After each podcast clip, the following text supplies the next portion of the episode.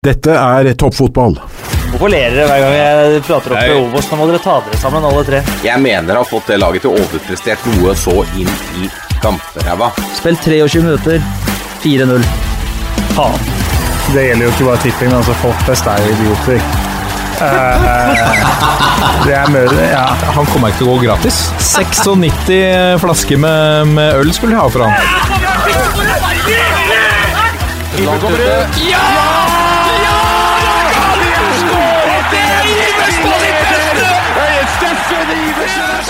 Jadda, jadda, jadda, og der er toppfotball tilbake. Og det vil mange si er på tide, også vi.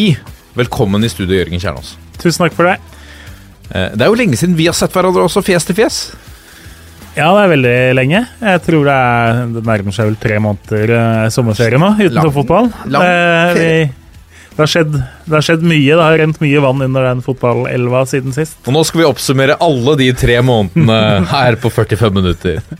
Nei, vi, vi får vel hoppe over litt av det som skjedde i mai og juni, kanskje. Og Ja, for det er jo nok av uh, podkaster og ikke minst rettighetshavere som dekker norsk fotball med bravur for tida, er det ikke det? Nei, vi, vi skjønte jo at vi måtte tilbake i studio nå som vi har sett at norsk fotball, det er jo podkastens Michael Jackson, er det ikke det? Det er det folk vil ha, det er det som troner øverst. Det er hundretusener av mennesker som ønsker å høre om uh, norsk fotball. Så da Vi gleder oss til denne episoden skal trone på ja, toppen Må ta, av alle ta en liten del av kaka, vi òg, da. Få prøve på det. Ja, det er, eh, det er vakkert. Jeg gleder meg til å se millionene regne inn. Um, du hadde jo en tung inngang til, eh, til helga på fredag her, eh, som vi fikk dokumentert i, i i sosiale medier. Så hadde gleda deg til en, en skikkelig ryser av en match. Jeg visste ikke at det var lov å ta skjermbilder av Snapchat. Jeg trodde det var ulovlig, men Nei da. Det, det skulle sendes fjerdedivisjonsball, og så Mellom. Modum og Åssia var det som skulle spille. da. Den skulle du se fredag kveld. Er det ikke det folk gjør på fredagskvelden? Er, er det ikke det som er gullrekka? Eh, Nei, det jeg synes, Drammens Tidende er en av de som faktisk sender en del der, da. så det skal de ha for. Men det var litt skuffende når det sto i programmet uten å bli sendt. For de uinnvidde som ikke har sett uh, dette på Vi, vi postet den vel på et eller annet av våre sosiale medier. eh, Hvor vi fikk en, jeg fikk en snap av Jørgen Kjernås hvor det står 'Modum Åssiden uh, sending er avlyst'. Var det det? Ja, jeg tror det var det. Med kommentaren fra vår venn Kjernås uh, 'Helga ødelagt'. Å, der lo jeg godt. Det er nydelig. Det er jo sånn du er, og det er jo, det er jo derfor også det, det er en glede å ha deg med i et program som dette. Eh, fordi du har altså norsk fjerdedivisjon, det står deg veldig nært. Hva Er det, noe, er det noe heftig å melde nå fra tredje eller fjerde eller eh, eh, våre litt lavere divisjoner?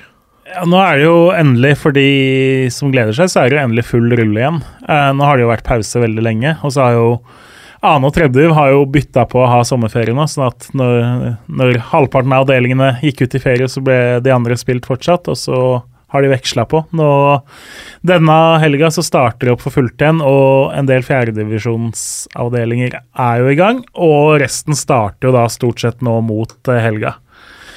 Eh, Men det er klart det er mye spennende varianter der. Eh, For eksempel så har du jo da oppe i Troms så har du jo da Hamna, som er nyopprykka. Eh, De topper jo tabellen foran Skarp. De to lagene møtes jo nå. Det blir jo andre kamp mellom lagene, men det blir første gang de møtes. Fordi første kamp så var det et fryktelig snøvær oppe i nord, hvor Skarp fikk rett og slett ikke klar banen. Det var masse kamper som ble avlyst og avbrutt og sånn oppi der. Det, altså, snø i Troms i april, det kan jo skje. Eh, Hamna valgte jo da å klage, sånn at de til slutt fikk seieren på walkover. Noe som jo ikke ble veldig stilig mottatt av resten her. Så der ligger det jo da en sånn spenning i lufta på, eh, foran Ben. Og så har vi jo i Hvis vi går til Trøndelag, f.eks., så hadde man jo da det som på forhånd så ut som to avdelinger i fjerdedivisjon som kanskje var litt ulikt vekta når det kom til lag som potensielt kunne rykke opp. da. Eh, ene avdelinga hadde jo da Verdal og NTNUI og eh, Levanger 2 og et par andre lag med litt potensial for å blande seg inn i toppen. Kan jeg få spørre en ting Ja. der?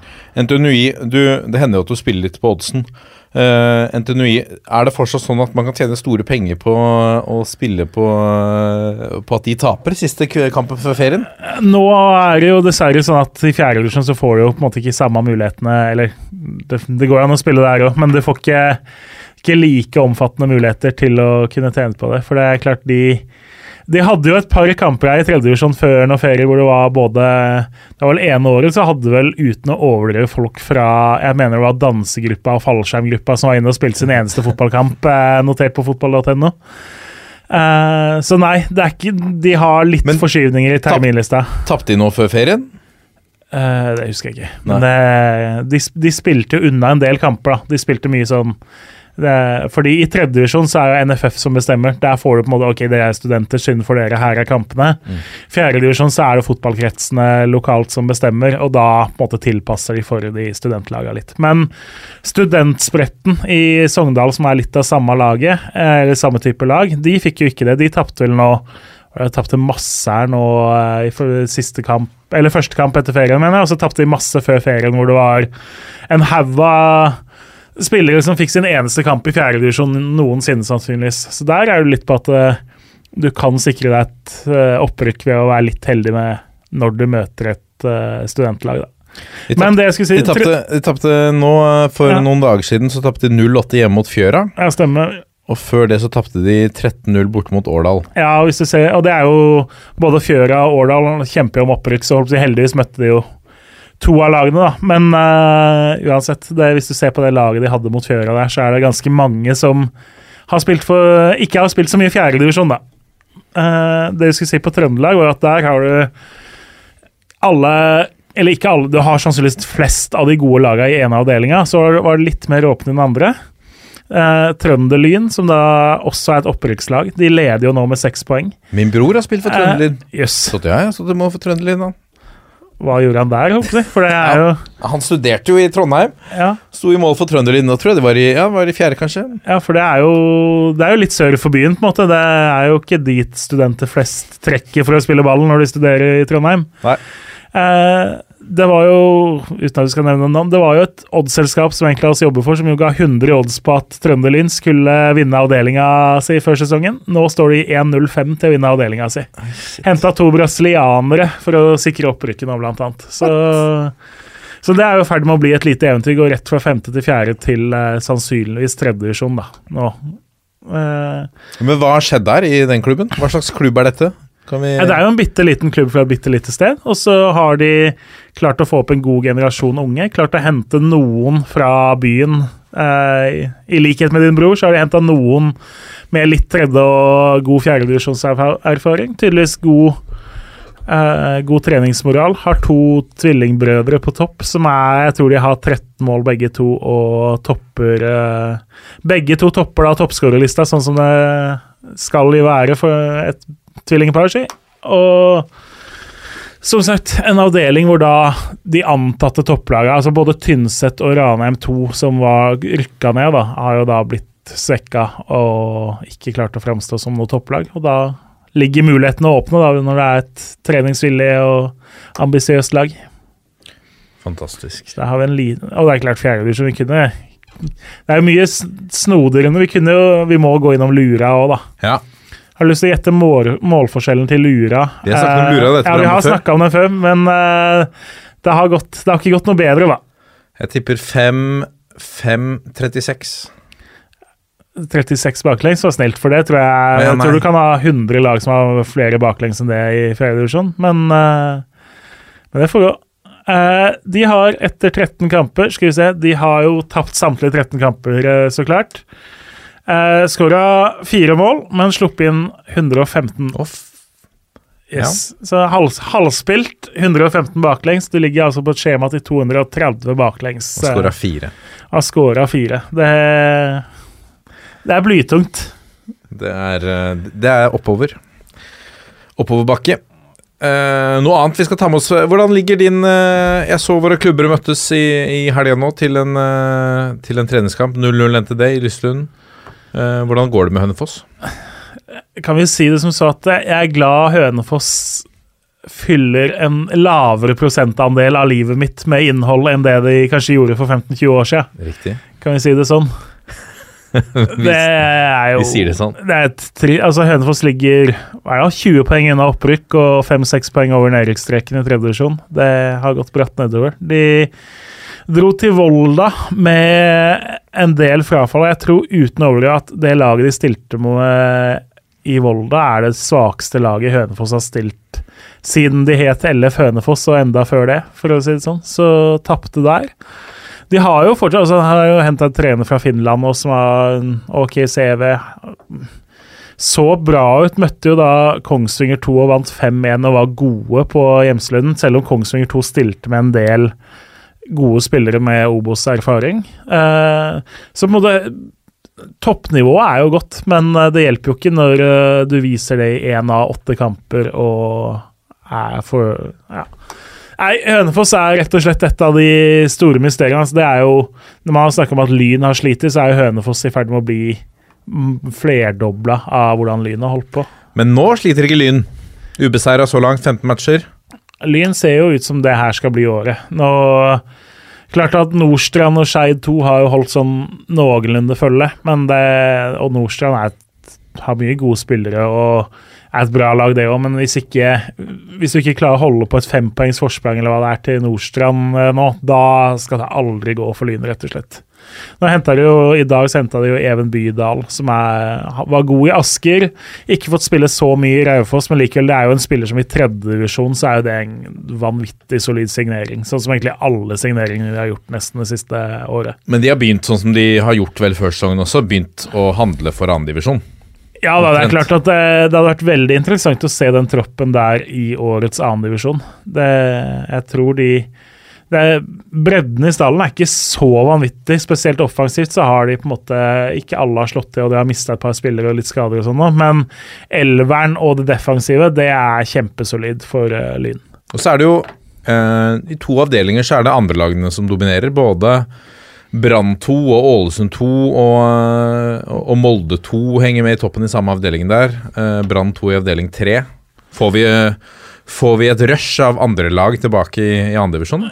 Brann 2 er jo den store overraskelsen der, egentlig. Fordi det er jo en vanvittig tøff avdeling. Og så har de vært blanding av at unggutta har vært veldig gode, og at de har stilt bra lag i en del av kampene, de også, sånn som alle andre. Men uh, jeg tror de skal få det tøft. Nå møter de vel uh, Brodd, som er på annenplass i helga, hvis jeg ikke husker feil. Uh, spent på liksom Brann du ser jo det på tro... Altså, vi kunne snakka lenge om Brann i Obos nå, men bredden i troppen så er jo ikke veldig sterk. De har jo en tre-fire eh, gode spillere på benken, men det er jo ikke sånn at de, de, kan jo ikke sende masse spillere ned til Stavanger for å møte Brodd, når du da har Obos å tenke på samtidig. Så det blir jo juniorlaget som skal ned til en del sånne kamper. det, Så jeg tror ikke de rykker opp fortsatt, men uansett en veldig solid sesong. Og det det samme gjelder jo Molde, som har mye gode juniorer, som er et godt, eh, godt drevet akademi der. Ålesund har vært som Brann en kjempeoverraskelse sånn sett, at de er så solide. De har ikke stilt veldig mange A-lagsspillere veldig ofte, men uh, klart seg godt med ganske mange da sisteårsjuniorer, som jo har litt å si, blant annet. Så er vi, Da har vi nesten vært innom alle noe i Altså toppen i alle tredjeavdelingene. Det er avdeling fem, da. Toppes av eh, Nå tok fram eh, vel eh, Ja, Nå er du på avdeling fire, fire da. Nå er, fire, nå er jeg på fire, ja. Stemmer det. Ta fire først, da. Det er greit. Der har jo altså Hva skal vi si Nyskapningen i det man kan kalle Eik Tønsberg det. Men, men klubben som har blitt sammenslått tre-fire ganger frem og tilbake nå, nå, har de jo De så jo hektet av ut, men nå har de jo også meldt seg på igjen. Der er det jo fire lag som er påmeldt i, i toppstriden. Fram, Follo, Porsche og Eik. Hva Av alle disse med opprykksambisjoner, hva tenker du om, om toppen der, Jørgen? Jeg tenker at Det morsomste der er jo etterspillet etter Porsche mot uh, Tønsberg sist helg. Hvis du fikk med deg noe av det? Nei, ikke sett. Det, god stemning ville vel vært å overdrive. Det, fra Porsche så blei det jo Hva var det Jeg husker ikke helt Jo, skal vi Eik er det tristeste laget jeg har spilt mot. Destruktive og sutrete fra benken til tribunen, var det som ble sagt om dem der. Det var Ja, det var ikke et lag som syntes det var veldig gøy å tape på hjemmebane mot Eik i den kampen. Det kan vi vel slå fast, det. Men toppstridende toppstriden er overraska over at Follo har hengt så godt med i denne avdelinga. Jeg syns jo det det jeg har sett derfra, så syns jeg jo de er uh, et godt lag, men ikke et opprykkslag. Og har vel fått merke det i noen av kampene hvor de har mangla litt folk, at det jeg blir, jeg blir overrasket hvis det er de som står igjen på topp av de fire. Da, litt satsinga til de tre andre og viser jo at både Fram og Eik og Porsch har kanskje mye mer lyst på det opprykket. Er villig til å på en måte hente spillere, lønne spillere, eh, sikte litt mer mot, eh, mot den eh, enn det Follo gjør. Og så er det, syns jeg alle de tre lagene har jo en del spillere med erfaring fra høyere nivå. Eh, ingen av de som har sånn vanvittig bredde, så du merker at eh, mangler de en to-tre av de beste, så er det litt sånn som mange mange topplag er i tredje at du har en god elver, du har en to-tre på benken som er litt rutinerte, og så begynner det å gå litt mer ned på kvalitet etter det igjen. Så det kommer til å være de interne oppgjøra, litt flaks med hvor sterkt andre lagene stiller når du møter dem osv. Nå møtte jo Fram bl.a. Sarpsborg i går, som ikke stilte veldig godt. Kan, Uten at jeg husker terminlista, så skal jo sannsynligvis begge de to andre møte Sarpsborg i løpet av høsten. Kan hende de stiller mye sterkere da. Eh, du har Fredrikstad 2, som sannsynligvis er sikra mot uh, å rykke ned, men som også trenger noen poeng til. Start 2 er da rett over streken, så de er jo nødt til å stille sterkt i noen av de kampene utover høsten hvis de ikke vil ned til fjerdedivisjon, og det vil de helt sikkert ikke. Så, så, nei, det er den definitivt vanskeligste og mest åpne opprykksstriden som, eh, som er i tredjedivisjon. Tar vi med oss uh, avdeling fem der òg, da. Der er uh, Kan vi få se Junkeren i annen divisjon til neste år? Ja, noe annet ville jo vært en overraskelse. Nå er det ni poeng de har ned til Byåsen, tror jeg. Uh, har slått Byåsen da i Trondheim, skal møte dem vel oppe i, oppe i Nordlandshallen etter hvert. Så her fra Nardo så var de ute og mente at det var en kjempefordel for Junkeren å spille i Nordlandshallen, som jo ikke er verdens beste dekke, men det er klart at hjemmeba, originale hjemmebanen til Junkeren er, er jo ikke da veldig god. Det er jo derfor de ikke spiller der eh, også. Så Bodø-Glimt var jo blant annet ikke kjempefornøyde når de måtte eh, spille der. Så Nei, Junkeren har truffet bra nå. Eh, litt overraskende, fordi den trønderavdelinga pleier ofte å være veldig jevn. Trodde nok Tror nok Trondheimslaga, altså både Byåsen, Strindheim, Nardo, Kolstad, Rosenborg 2 Tror nok alle av dem hadde sett for seg å være mye nærmere et opprykkslag enn det noen av dem er. Og så er det litt sånn at det er Spillere går litt på kryss og tvers. Det, mist, det er litt kannibalisme. Junkeren får alle, alle, i en ganske svær omkrets som ikke er gode nok for Bodø-Glimt. Og det er jo det er ikke så mange som er gode nok for Bodø-Glimt i Nordland eh, nå. Alle andre havner jo i eh, Junkeren, egentlig, og da blir det på en måte bedre enn de, uh, de trønderlagene som da er mange jevngode lag, istedenfor at de har ett lag som kjemper mot opprykk. da. Skal vi ta, når vi er inne på det, skal vi ta Post Nord også, da? Selv når vi er på, på runden her? Skal vi snakke, jeg så vi hadde Vi kan jo håpe si, ta Det var vel et lytterspørsmål òg, ja, men vi må, vi må, jo snakke om det, fordi laget ditt har jo vært involvert i det som kanskje er en av de sykeste resultatene jeg har sett i norsk fotball uh, på svært mange år. Det stemmer. Uh, eh, 8-1 ble det vel? 8-1 ble det hjemme mot, uh, mot Arendal. Da Roger Isholt satt vel på trener Roger Isholt satt på tribunen for anledningen. Uh, han satt lavere og lavere ute underveis i kampen. Det, det, tror jeg var tøft for han. Men uh, skal nevnes så Ørn, Ørn var ganske god i den matchen, men de skåra altså på alt. Så, så, så det, var en, det, var en, match hvor alt, hvor alt gikk inn. Jeg fikk en melding fra en av spillerne der som sa at vi skåra åtte på seks sjanser. så Eh, de var ganske fornøyde med det. det. Mm, så har de jo slitt med litt skader og sånn. Nå er de på en åttendeplass. Jeg vet jo at de ønsker seg eh, en plass eh, et godt stykke lenger opp på øvre halvdel der. Så eh, hvis du tar den avdelinga der, må jo også trekke fram jobben Thomas Myhre gjør i Moss. Eh, 36 poeng nå, leder avdelinga. 6 poeng ned til Flekkerøy. Ja, det, altså For å starte med den Ørn-kampen. Det er jo altså det er helt sykt. Det, var, det var jo et rødt kort etter hvert der. Uh, det er ikke det som avgjør nå? Det er jo ikke Det er en sånn kamp hvor bare du føler at Jeg har jo vært med på mye lavere nivå å spille de kampene både for og mot. Vært med på å spille kamper hvor du føler at du er litt bedre, og så taper du 6-0 likevel. Og så har jeg vært med på kamper hvor jeg har følt at vi har vært dårligere og vunnet med både 5 og 6 og 7 mål. Eh, ja, du, du føler liksom at det er Av og til når du spiller da, om du spiller Mario eller Fifa eller hva man spiller Det er veldig Veldig sjelden jeg spiller, spiller noe annet enn det.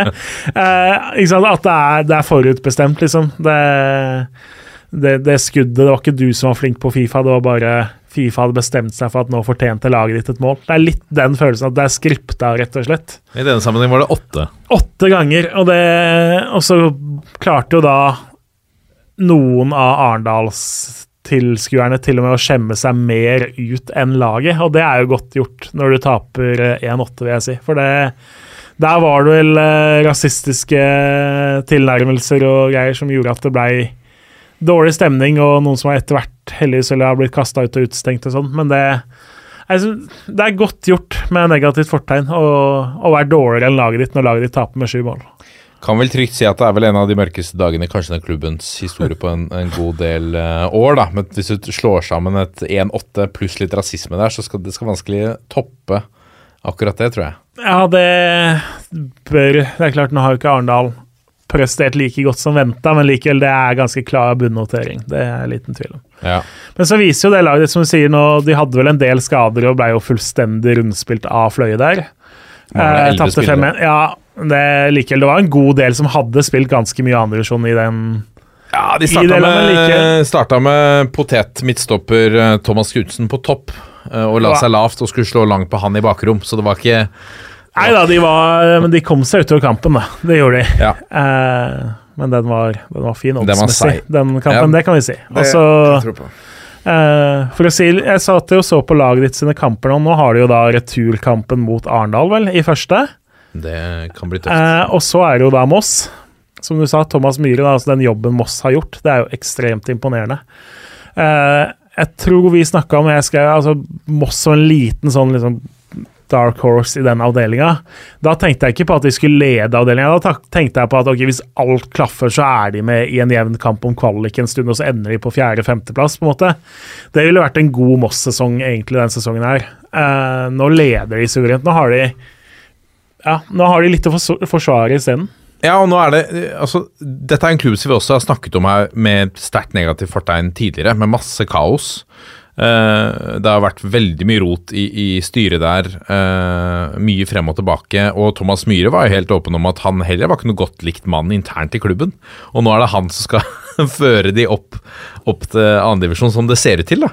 Så det er jo uh, Det Nei, det er enormt, det må jeg si. Og veldig, veldig overraskende og uventa. Ekstremt. Og de har jo, når man ser på laget de har altså de har jo en del langtidsskader osv. De har jo hatt en ganske tynn tropp, spesielt nå mot tampen av vårsesongen. Eh, men han har truffet altså Christian Strande har vært en bra andredivisjonsstopper. Han har jo vært enorm tidvis. Ranmark i mål er god. Noah Aleksandersson skårte dette målet fra 100 meter mot klubben som ikke lenger eksisterer, altså mot Øygarden. Eh, så det betyr at det målet slettes jo faktisk fra de offisielle registrene, fordi Øygarden har jo gått konkurs. Men det lever jo videre på YouTube. Eh, men likevel, det må Altså Når du scorer et sånt mål, da, fordi, for de som ikke har sett det, nå, Aleksandersson fikk ballen etter en corner til Øygarden, får ballen eh, på egen 16-meter, måker til, og så spretter ballen et par ganger før den triller i åpent mål. Så han skårte fra 85-90 meter. Eh, det er jo sånn du gjør én gang i karrieren. De fleste gjør det null ganger i karrieren. Det, det må være litt bismak å vite at kampen ikke teller, at målet egentlig liksom ikke er Ikke blir registrert, da. Det faktisk Det, det ødelegger litt. Det, det, det er ikke 100% perfekt lenger. Nei, det er ikke det. Eh, Men når du sa Moss som overraskelse, altså jeg er jo mer overraska over Fløy, jeg, da. Eh, Som ligger på annenplass uh, denne sesongen her. De berga altså plassen fire minutter på overtid i fjor ved å vinne 4-1 borte mot Kjelsås, og det var vel Da hadde vel ti poeng på de fire siste kampene. Altså, den måten Fløy overlevde på i 2021, er en av de sykeste sånn escapesene vi har sett i norsk fotball. Og så går de da hen med egentlig mer eller mindre samme mannskapet, mista et par rutinerte. altså ikke henta noen spillere som gjør at man tenker at i år kommer Fløy til å bli mye bedre. Eh, rett og slett bare vist at du, det er ikke sånn at du kan lese på spillere inn og spillere ut-lista hvor godt et lag kommer til å bli, fordi ting på treningsfeltet og taktisk og hvordan eh, flyten og selvtilliten er, det har så mye å si. Og de, Der har du jo f.eks. Altså Christian Lien på topp for dem. Han var jo i start uten å få sjansen. Jeg tror han har én eller to kamper for start.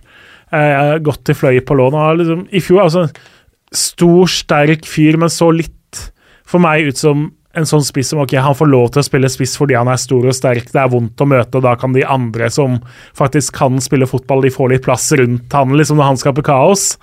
Eh, litt den type spiller, da. Eh, men i år, så har han, altså, i år har han sett ut som da altså Sett ut som gull. Han skårer på all. Han har et par vanvittige avslutninger. Han hadde et frispark her i starten av sesongen som bare er drømmeskåring. Han skåret fra 40 meter eller et eller annet mot Arendal i en treningskamp før det. Altså, han spiller med en selvtillit som er en helt annen, og så har han plutselig begynt. da. Jeg ser jo for meg at Joey Hardarson må ha brukt masse tid med ham på video og på treningsfelt og vise ham ok, her er løpene du tar, her er løpene du burde tatt. Se på det på video. Ta det ut på treningsfeltet, vise ham hvor Fordi han er jo på en måte samme fyren, han er bare en åtte ganger bedre spiss enn 2021-utgaven av seg. Han ser ut som en Han er vel 21 år, eller hva han er. For meg, i fjor så så han ut som en fyr som burde ned til tredjedivisjon eller kanskje lenger ned. I år så ser han ut som en fyr som noen i Obos bør hente umiddelbart. Ja. Så det viser liksom Og det er mange av de spillerne da på Fløy. De har en del De har mange som har mye erfaring fra andredivisjon og litt over, men liksom mye sånne ikke så mange som har vært viktige i sine klubber, men liksom vært de der som har fylt opp laget. Og så bare går det sammen som en enhet, og de jobber og løpes masse, og de kontrer i full fart. Så for meg er, selv om Moss har levert en terningkast seks-årssesong, så er faktisk Fløy enda mer imponerende, syns jeg. Fordi de har virkelig blitt imponert over når de spiller, og det er enda mer overraskende at de er topplag, syns jeg, da. Ja. Skal vi hoppe til Gøy å se at uh, toppfotballvenn Renate Blindheim også nå ligger Ja, hvor mye er det nå? Det er fem poeng kanskje ned til nedrykk her. Um, så kanskje hun, det ser ut til at de går klar kanskje i år også. Nå er det et stykke igjen av sesongen, da, riktignok, men uh, um, vi hopper til avdeling to. Uh, der er det jo oppskriftsmessig. Ullkisa på topp. Med, med fire poengs forsprang ned til Hødd. Uh, er du noe overrasket her over uh, tilstanden? Litt kanskje at uh, Jeg hadde litt mer troa på Frigg, at det skulle komme litt høyere. Det hadde ikke du? nei, altså Frigg er et lag som Hvis du igjen hvis du ser på sånn XG og sånn, altså de Ofte gode kamper, da. Hvis du bare ser på statistikken og sånne ting. Men de mangler det der altså Den der kynismen, den der galskapen inne i egen boks. Altså det derre De tinga som du ikke kan vise med noen tall, men som du bare får litt inntrykk av å se i et lag, at de, de er ikke noe dårligere i banespillet. De er ofte bedre enn mange av motstanderne sine mellom 16-meterne, og så er de ikke gode nok inni. De brenner store sjanser, og de slipper inn for lette mål i kamp. Så det, sant, det blir null eller ett poeng i kamper de er best, veldig ofte. Og da til slutt er du et nedrykkslag i en sånn avdeling. Og sammen nå tapte jo da Asker Først så slo de jo Bærum 3-2 i lokaloppgjøret her.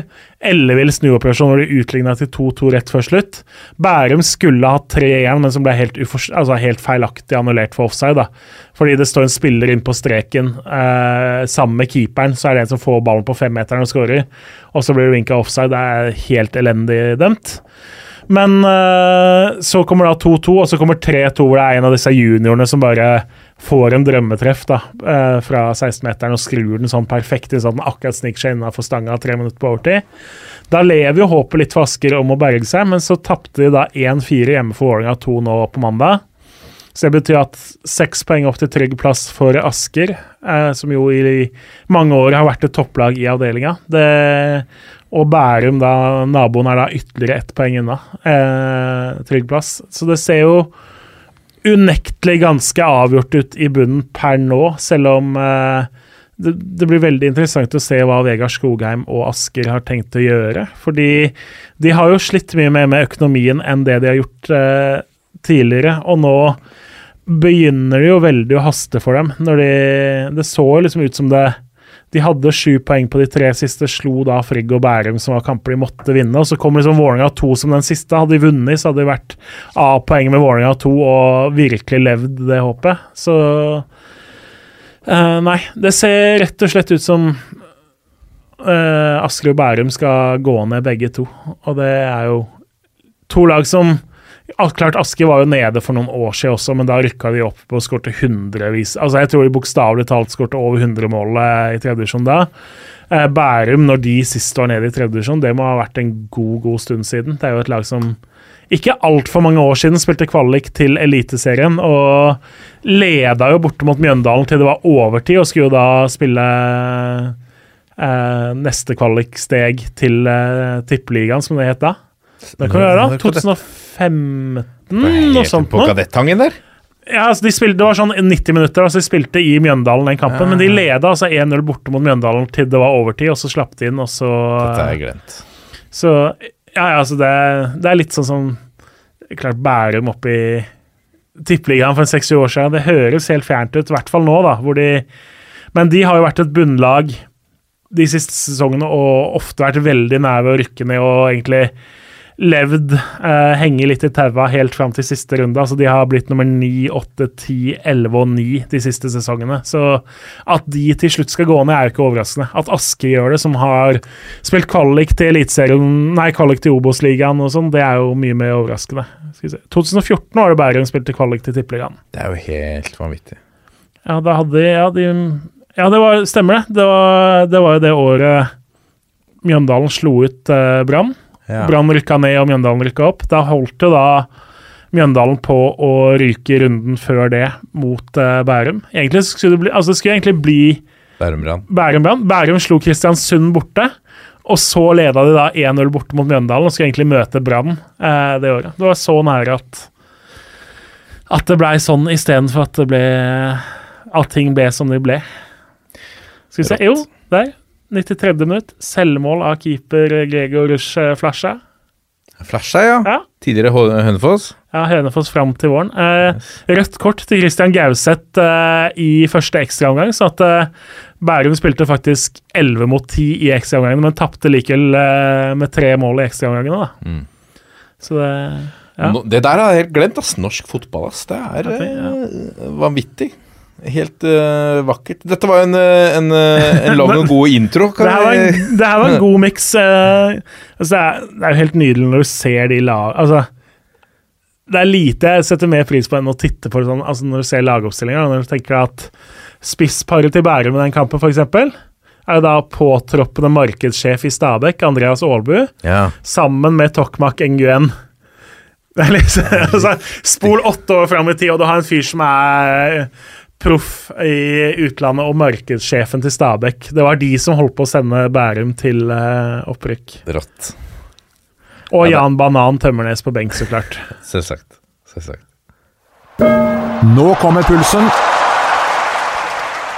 Da er vi kommet til pulsen, og vi eh, fortsetter turen opp i eh, divisjonene. La oss hoppe inn i Eliteserien, da, Jørgen Kjernås. Fordi Glimt nærmer seg stadig. Nå er de eh, riktignok tre, eh, tre poeng unna en sølvplass i Eliteserien. Gullkampen, eh, de to som er hissigst på ballen der nå, er Molde og Lillestrøm, som vi vet. Eh, men eh, Glimt er på full fart eh, vei framover, og disse prestasjonene i Europa er jo nødt til å sprute vitaminer inn i den stallen, eller? Ja da, det er klart. Det, det er jo ferdig med å bygge seg opp i begge klubber du snakker om nå, ikke minst. Og Alle tre? alle tre, så klart. Det er ikke så lett å telle.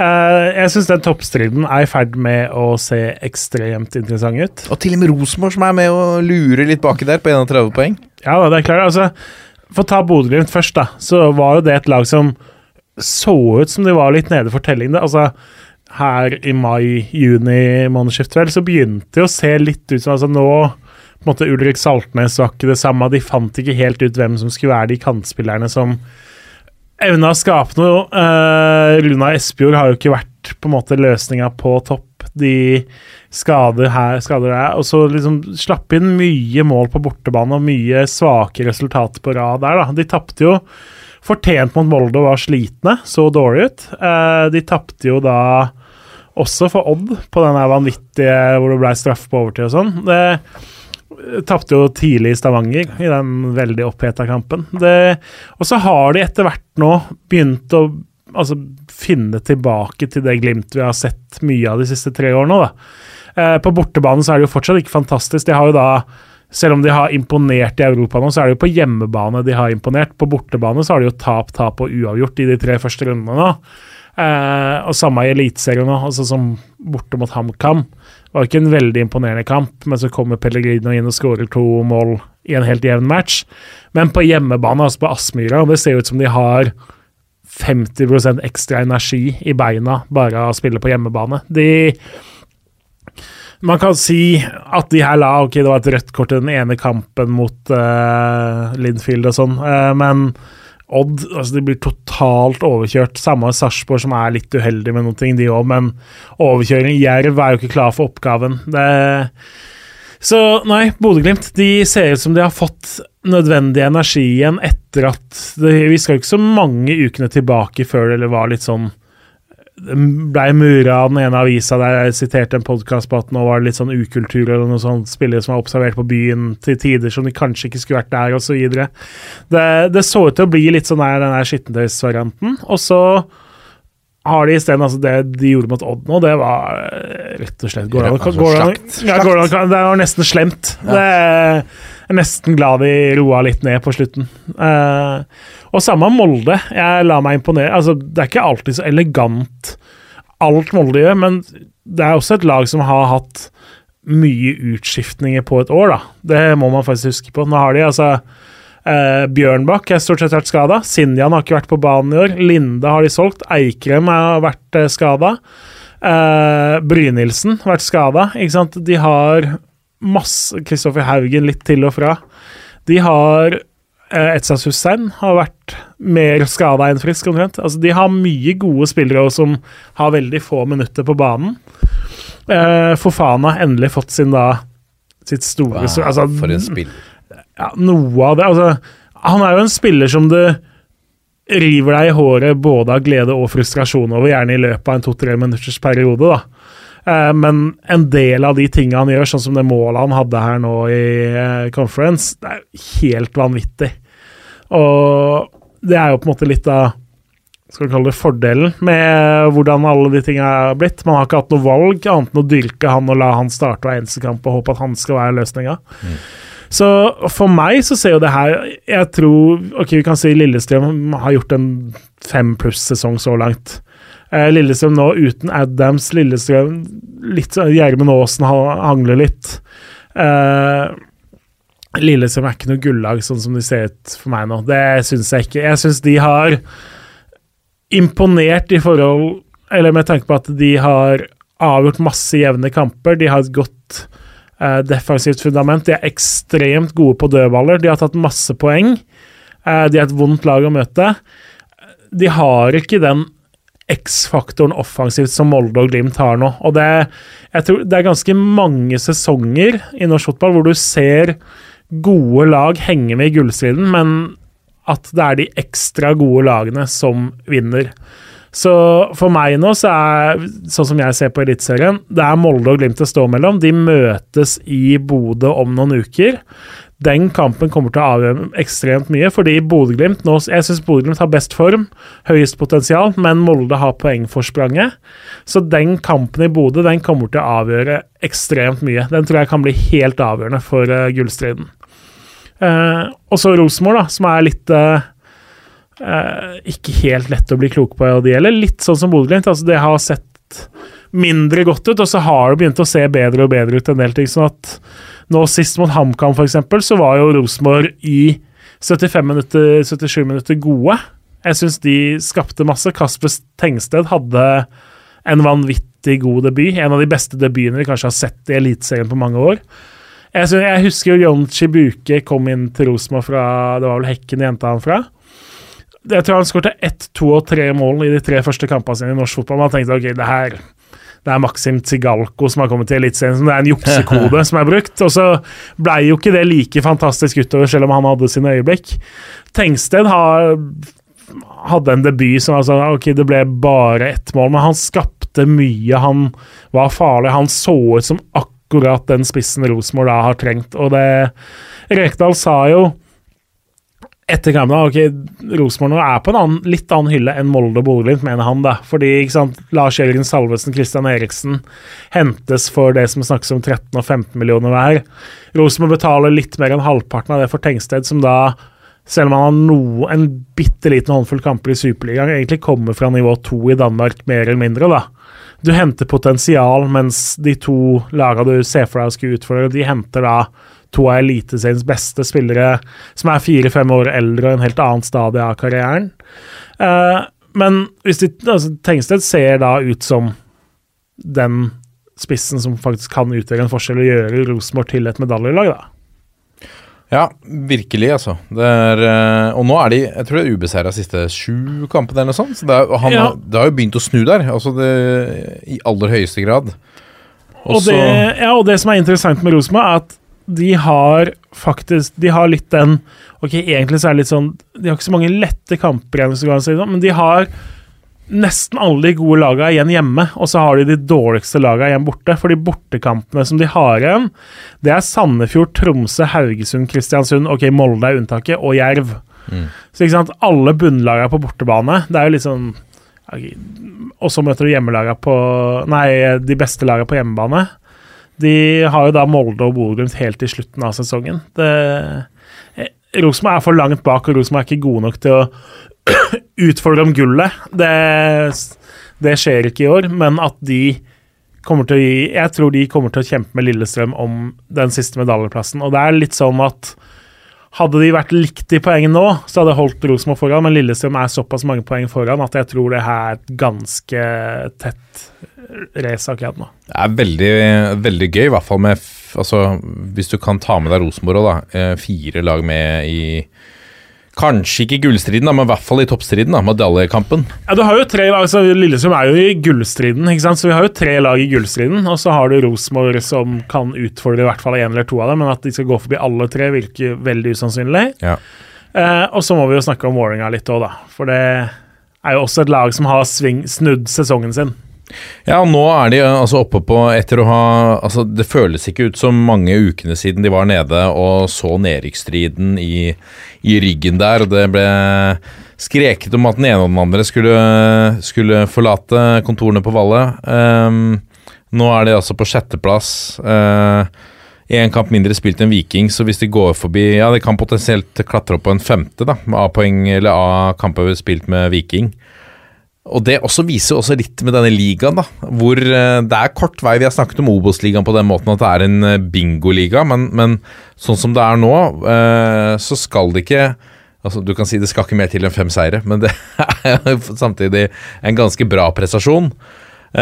på et lag som på papiret kanskje har blitt svekket, hvis man skulle sett på de spillerne som har forsvunnet.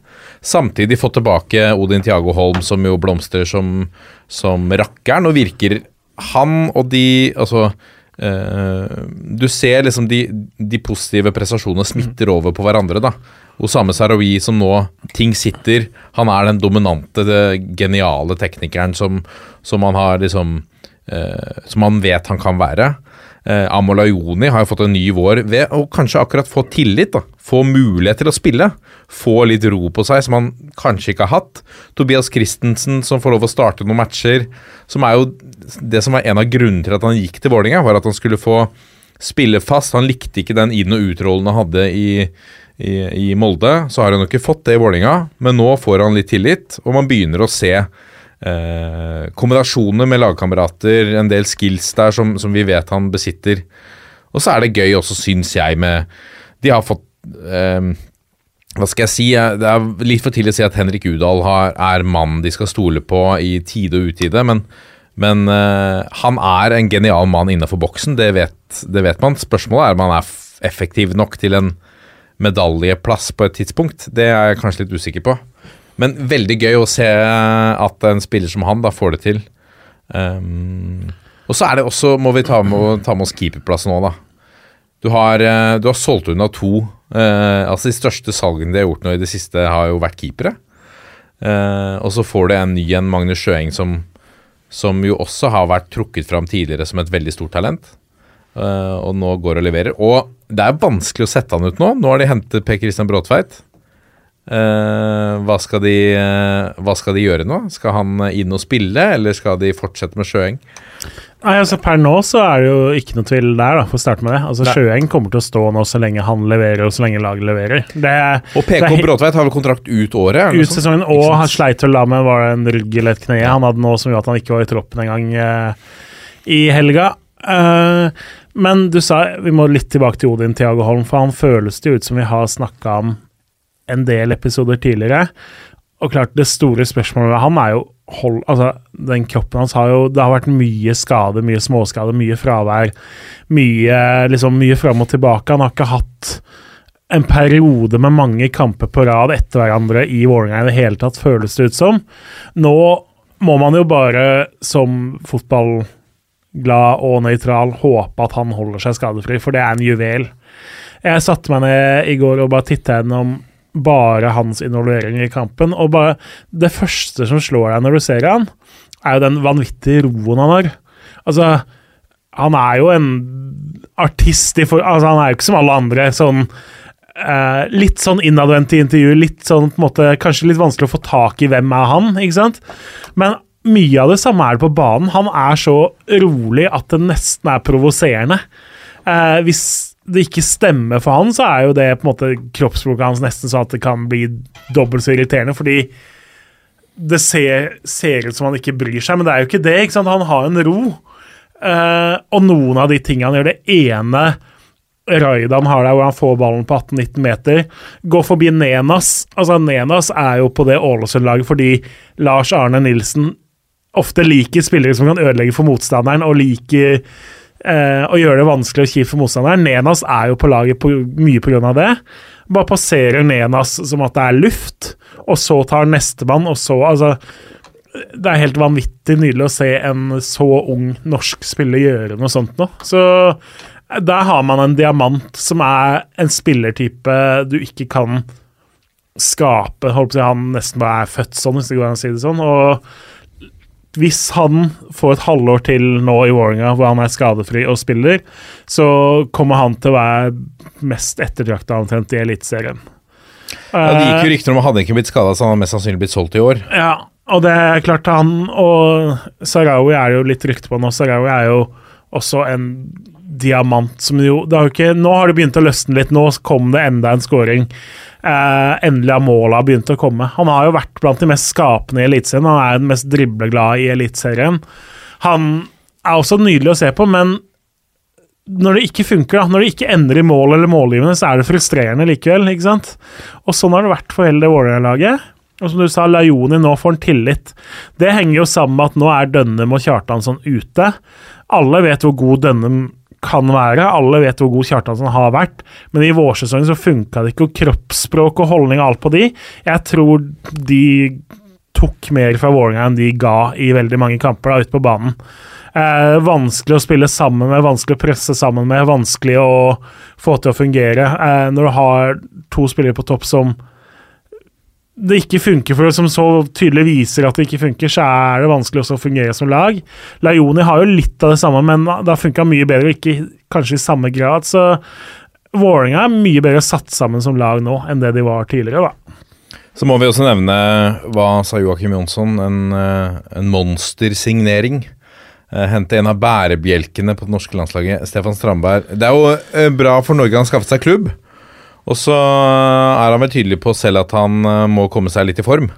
Eh, men det er vel også en signering som de, eh, som de sårt eh, sårt trenger. Det har jo vært et forsvar som har slippet inn altfor mye. Nå har det jo for så vidt sett bra ut, da, før han, eh, før han nå skal tilbake eller eh, kjempe seg til en plass der i, i Ja, men det er klart, nå har altså Fredrik Oldrup Jensen har vært god i en del kamper nå, eh, som stopper. Men det er jo også fordi de har møtt lag som har evna veldig lite å true Vålinga offensivt. Eh, han har fått få vanskelige oppgaver i de kampene. Vålinga har hatt mye ball, han har fått styre, han har fått brukt roen. Og eh, jeg tror ikke Jeg ville vært like trygg da på Fredrik Olderup Jensen mot Bodø-Glimt, Molde, Rosenborg. Eh, eh, eksempel, som det du er mot Jerv og Ålesund. Så det er en løsning som funker nå, men det er klart at for, hvis Vålinga skal opp og drømme om å kjempe om de medaljene her, da Det er, det er åtte poeng opp til eh, bronseplass, da. Det er eh, elleve eh, poeng opp til Lillestrøm. Det er langt, men det er, med et godt vindu og et par lag litt på vei ned, så er det jo lov for dem å drømme. uh, men når du sist Ja. Hva tenker du de skal Altså, Joakim Johnsen har jo snakket om at her, her kan det komme mer. Uh, hva tror du de henter nå, da? En spiss? Det han jo har sagt, og det som ikke er noe hemmelig Altså, De vil ha en spiss som er skikkelig god. Du sier ok, Udal har funka bra, eh, men er han god nok? Det er jo akkurat det Vålerenga tenker òg. Udal funker jo nå. Skal, men de snakker ikke, om også Udal som var ønsket av Bodø-Glimt før sesongen der. Ja, men Bodø-Glimt har jo en litt sånn håv de henter med, og de òg. Eh, de har jo sett noe i han som Det er så klart han er god i presspillet, og det kan funke godt i et lag som Bodø-Glimt, som de spiller. Udal er god, men jeg tror Vålerenga ønsker seg en, en, som er enda råere og enda større hurtighet, enda større X-faktor, vanskelig å stoppe én mot én. Det ser man jo når det er Badou bl.a. de byr på, eh, osv. Så, videre. så jeg tror de leter etter en spiss som er så god at han skal gå inn og være et førstevalg. De henter ikke en som er jevngod med Udal, eller som de er usikre på. Kommer det en spiss til Vålerenga, så er det et eh, stort navn eller en dyr signering, helt garantert. Hvilke andre kandidater eh, ser du for deg de har på blokka der enn Badou? Nei, Det er et godt spørsmål, for det, det finner du ikke i Norge, rett og slett. Uh, det er ingen i Norge da som er aktuelle, realistiske kandidater til å være den mannen. Uh, så da må du ut av landet, og det gjør at det blir veldig interessant å se hvor de, hvor de titter hen. Uh, og så har de jo da dårlig dekning på bekkene. Så lenge Borchgrevink da er fortsatt vil å være langt unna, så er det jo litt sånn at med skader så må Petter Strand ned og spille back. Så jeg er helt sikker på at en back som kan spille på begge sider, og som på en måte kommer til Vålerenga for å være en utfordrer, det kommer de nok til også til å lete etter. Det tror jeg er de to punktene. Og så kommer jo litt an på hva som forsvinner ut. Da. Nå var jo Christensen rykta til IFK Göteborg, f.eks. Stig Torbjørnsen er jo en ringrev og speider der og titter der. Men svenske vinduet stenger vel natt til fredag, tror jeg. Så da har de egentlig bare 50 timer fra innspilling uh, å gjøre det på, hvis de vil ha han. Så mm. jeg tror det er først og fremst de to posisjonene det tenkes på. Hvis vi tenker uh, gjør oss litt ferdig med Nå har vi gjort oss, uh, gjør oss litt ferdig med Vålerenga. Så uh, nå vi jeg inne på handlelister Det er flere klubber som skal hente spiss i dette vinduet? Jeg mener jo at dette Jeg tror vi, når vi kommer til 31.8, vinduet skal stenge, at vi kommer til å sitte igjen med inntrykk av at dette har vært et sjukt vindu. Eh, nå har jo da vi snakka om Kasper Tengsted til Rosenborg. Det er jo ikke en sjuk signering i form av at man har betalt ekstremt mye, selv om han kosta en 8-9 mil, eller et kjent navn, men det er likevel en dyr signering. Så har du da Christian Eriksen til Molde, som jo gikk for det som å være Det er skummelt å kalle det overpris for en så god spiller, da. Men altså 15 millioner for en barnehageassistent fra Hedmark, hvis det går an å si det. Så, altså, Christian Eriksen er nydelig, og det har tydeligvis eh, Kjell Inge Røkke også funnet ut. Men 15 millioner ut for en spiller som du egentlig ikke kan tenke deg å selges videre, og så snakkes det om at han har fått en ekstrem lønn nå. Eh, det er helt utrolig, og det viser liksom at Molde og Bodø, som har vært så gode på å hente ungt, utvikle, selge med profitt, Først, altså Salvesen til Bodø-Glimt snakkes om 12-13 mil på han òg. Det er jo to signeringer som handler om at lagene skal være best mulig egnet til å ta gull. Det er ikke business så, som styrer det her, eller Du har ikke solgt inn det til noe styre om at vi trenger den spilleren her fordi vi ser for oss at han kan vi selge videre for tre ganger så mye penger. Det handler om at han her gjør oss bedre her og nå. Han gjør at vi får en mye større sjanse til å ta gullet enn vi hadde hatt ellers. Så det setter jo tonen også når da Stefan Strandberg kommer tilbake til Vålerenga i tillegg, som jo er en eh, sannsynligvis godt betalt signering der og et stort navn, og som du sier, altså en krumtapp på landslaget. Det er jo starten Var det ikke, ikke billig Nei, altså når da, da var det Standard Liège sa nei fordi han hadde for høyt lønnskrav, og så signerer han for Vålerenga et døgn seinere, så har han jo ikke godtatt minstelønn eh, for, som er bestemt av staten. Men som du sa, altså alle skal jo ha, eller kommer sannsynligvis til å hente spiss. For det, hvis vi går gjennom hele tabellen altså, Ok, Molde.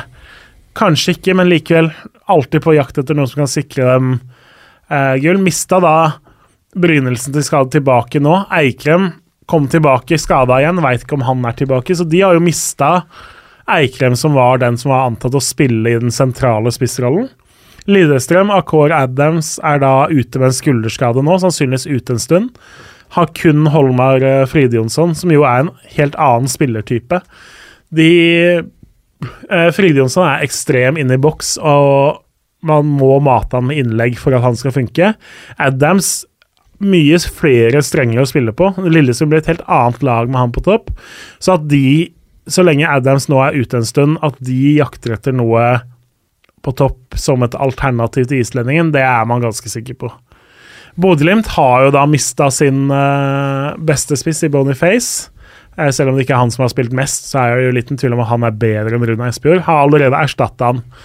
Uh, Rosenborg har jo da liksom, både Noah Holm og Stefano Vecchia ute med skade. Har jo da henta både Ingasson og Tengstedt som erstattere. Viking solgte Risha da til Hammarby i nok en av de mer interessante overgangene. Det har jo Vi har jo ikke snakka om Viking så langt i dag. Det er klart det Sist vi satt i det studioet her, så så vel Viking kanskje ut som en gullkandidat. Så har jo da eh, spillersalg, skade, formsvikt og Europa som deilig kombinasjon gjort at de har jo falt helt akterut. Det er vel åtte poeng på de siste sju kampene eller noe sånt nå. Eh, rullert masse på laget og prioritert Europa, som jo kan vise seg å lønne seg der, men Uh, uansett, da, liten tvil om at Viking også leter veldig aktivt etter en spiss nå. Vålerenga har vi jo snakka om. Godset har jo funnet sin da i Braut Brunes, som da skal erstatte Salvesen. Uh, Sandefjord kanskje minst aktuell på den lista. Ruud Tvete gjør en anstendig jobb der. Men uh, Sandefjord er syltynne. Nå satte de jo da mot Viking nå, så satte de jo innpå en Er han 16, er 16 eller 17 år? Kommer fra juniorlag. Juniorlaget har vært på treningsleir i Danmark. Han, han kommer vel omtrent rett fra Color Line og uh, til benken eh, på søndag for å spille. Så, så lenge Sivert Gushiås ikke er i form og på en måte ikke er helt klar, så vil jeg jo tro Sandefjord også titter, men det er ikke det der vi forventer mest at noe skal skje. Ålesund solgt Sigurd Haugen. Liten tvil om at hvis de ikke skal havne for fullt nede i den kvalikstriden, så må de ha spiss. Odd solgt Tobias Lauritzen. Har jo da Abel Stensrud og Flamur Kastrati, men det snakkes jo om at Torgeir Børven skal tilbake igjen.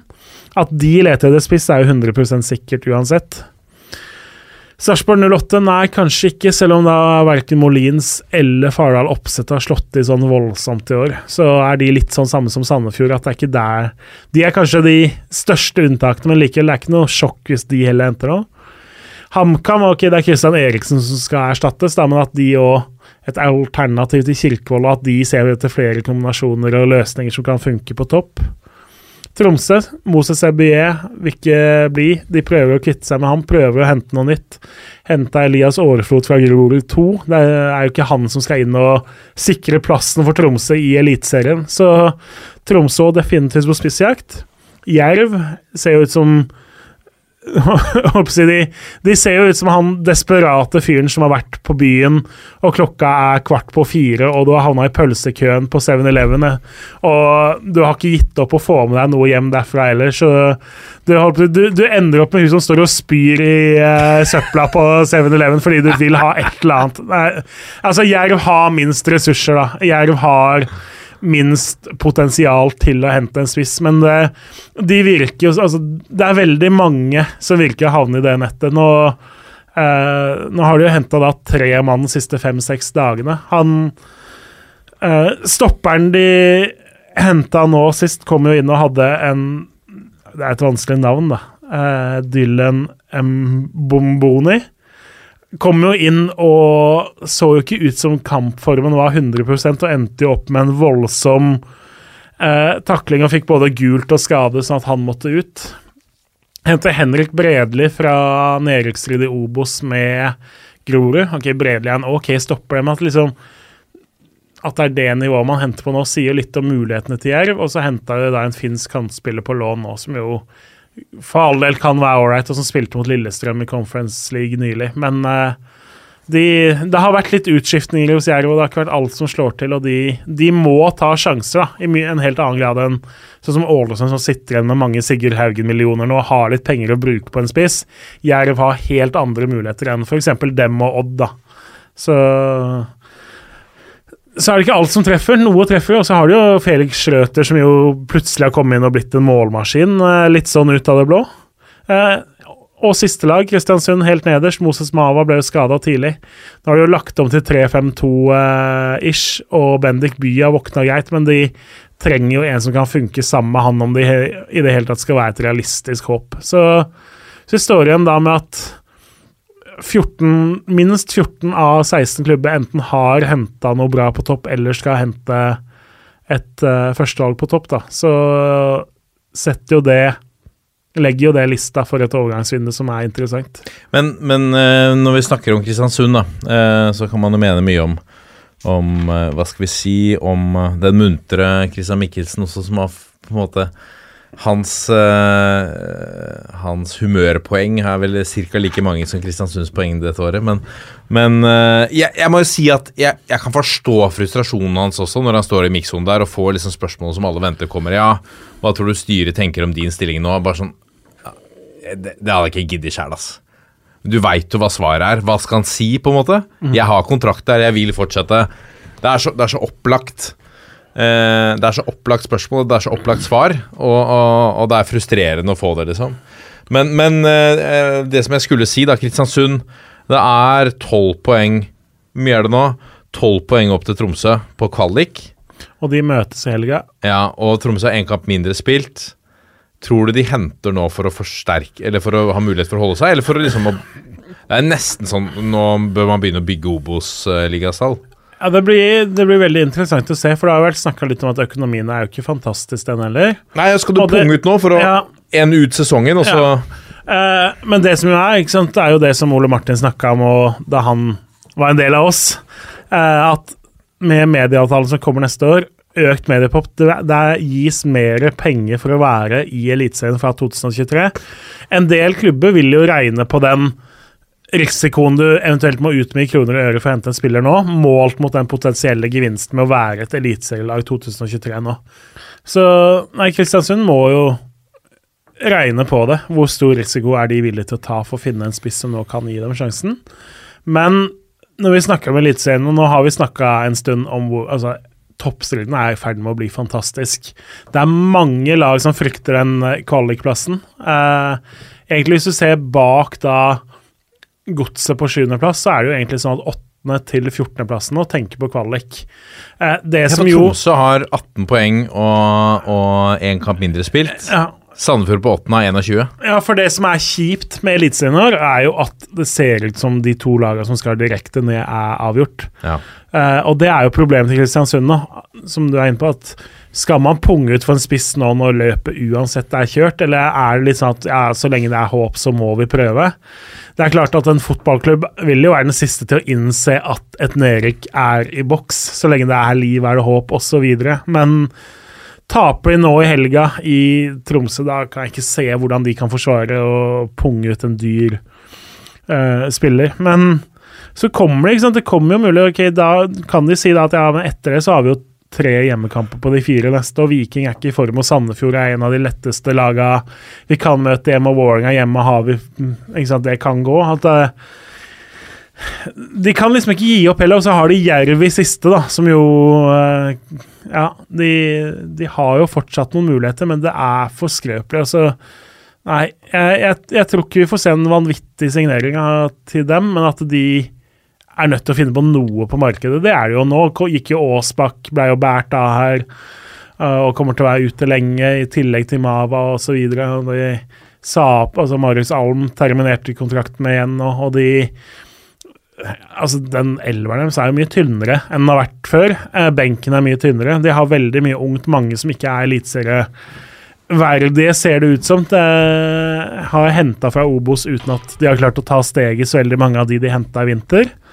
Og da det er ikke noe poeng å hente Altså, De kan ikke fortsette å hente da sånn Mikkel Rakneberg, Sebastian Jahl, Marius Alm Hente spillere fra Obos-ligaen som ikke forsterker dem. Hvis Kristiansund skal bruke penger, så må det være en to-tre spillere som går inn og er skikkelig gode. Eh, de trenger en spiss. De hadde trengt én som tok litt kontroll på midten. altså Diop har noen gode øyeblikk, og sånn, men det, de trenger en som er lederen der, ved siden av Kartum og Diop, eh, f.eks. Så det er det jeg ville sett for sett etter hvis jeg skulle brukt penger som Kristiansund eh, sportssjef. da. Ja. Dette er toppfotball. Og så har vi fått uh, en rekke lyttespørsmål, ganske mange nå. Det kan tyde på at uh, folk er sultefòra på litt uh, innhold om norsk fotball. Uh, Joakim Skare eh, lurer på Han skriver tanker om at TV 2 har viderelisensiert Obos-ligaen til direktesport sammen med PostNord og Norsk Tipping. Norsk Tipping-ligaen også. Syns det er litt synd at TV 2 ikke viderefører Discovery sin satsing på Obos og kun skal løfte fram Eliteserien. Det er vel ikke helt det som har skjedd, eller? Jeg prøvde å få høre, fordi det som vel er årsaken til spørsmålet, er at i den pressemeldinga som gikk ut om at uh, A-media, altså Direktsport, og TV 2 skulle samarbeide, så står det jo i pressemeldinga ord for ord her at eh, TV 2 har gjort rettighetsavtalen med fotballen, altså med NFF, eh, og skal selv dekke Eliteserien. Mens Amedia sublisensierer rettighetene til Obos-ligaen, Norsk Tippingligaen, Post Nord-ligaen og fjerdedivisjon. Det er vel ordet 'sublisensierer' som Jeg prøvde å google det. Samtlige ni treff var jo da relatert til denne pressemeldinga. Det er ikke et vanlig begrep. Jeg, sånn jeg har tolka det, så handler jo det om at du neste år kan se Obos-ligaen både på er det TV2 Play det heter nå, eh, og Direktesport. Sånn at du har på en måte, okay, har du det ene abonnementet, så holder det. Hvis du kun bryr deg om Eliteserien og Obos, så ser du det hos TV2. Hvis du har Direktesport Altså, Men tror du, altså det sikkert mange lurer på, er om Fordi det Eurosport uh, Altså Vi kan si mye om Eurosport sin satsing da den, den, den siste sesongen eller to, da. Halvannen, kanskje. Um, men, eh, men det de har levert, produktet de har levert på Selvfølgelig på Eliteserien i mange år, men på Obos, å løfte det til en, med en egen direktsending Det er vel, tipper jeg, er det ganske mange spør seg nå. Er, får vi det? Ja, det er det jeg tror er spørsmålet. Liksom at det kommer TV2 til å gjøre noe med Obos, eller bare gjemmer de bort kamper på Direktesport uten å gjøre noe som helst greie ut av Obos.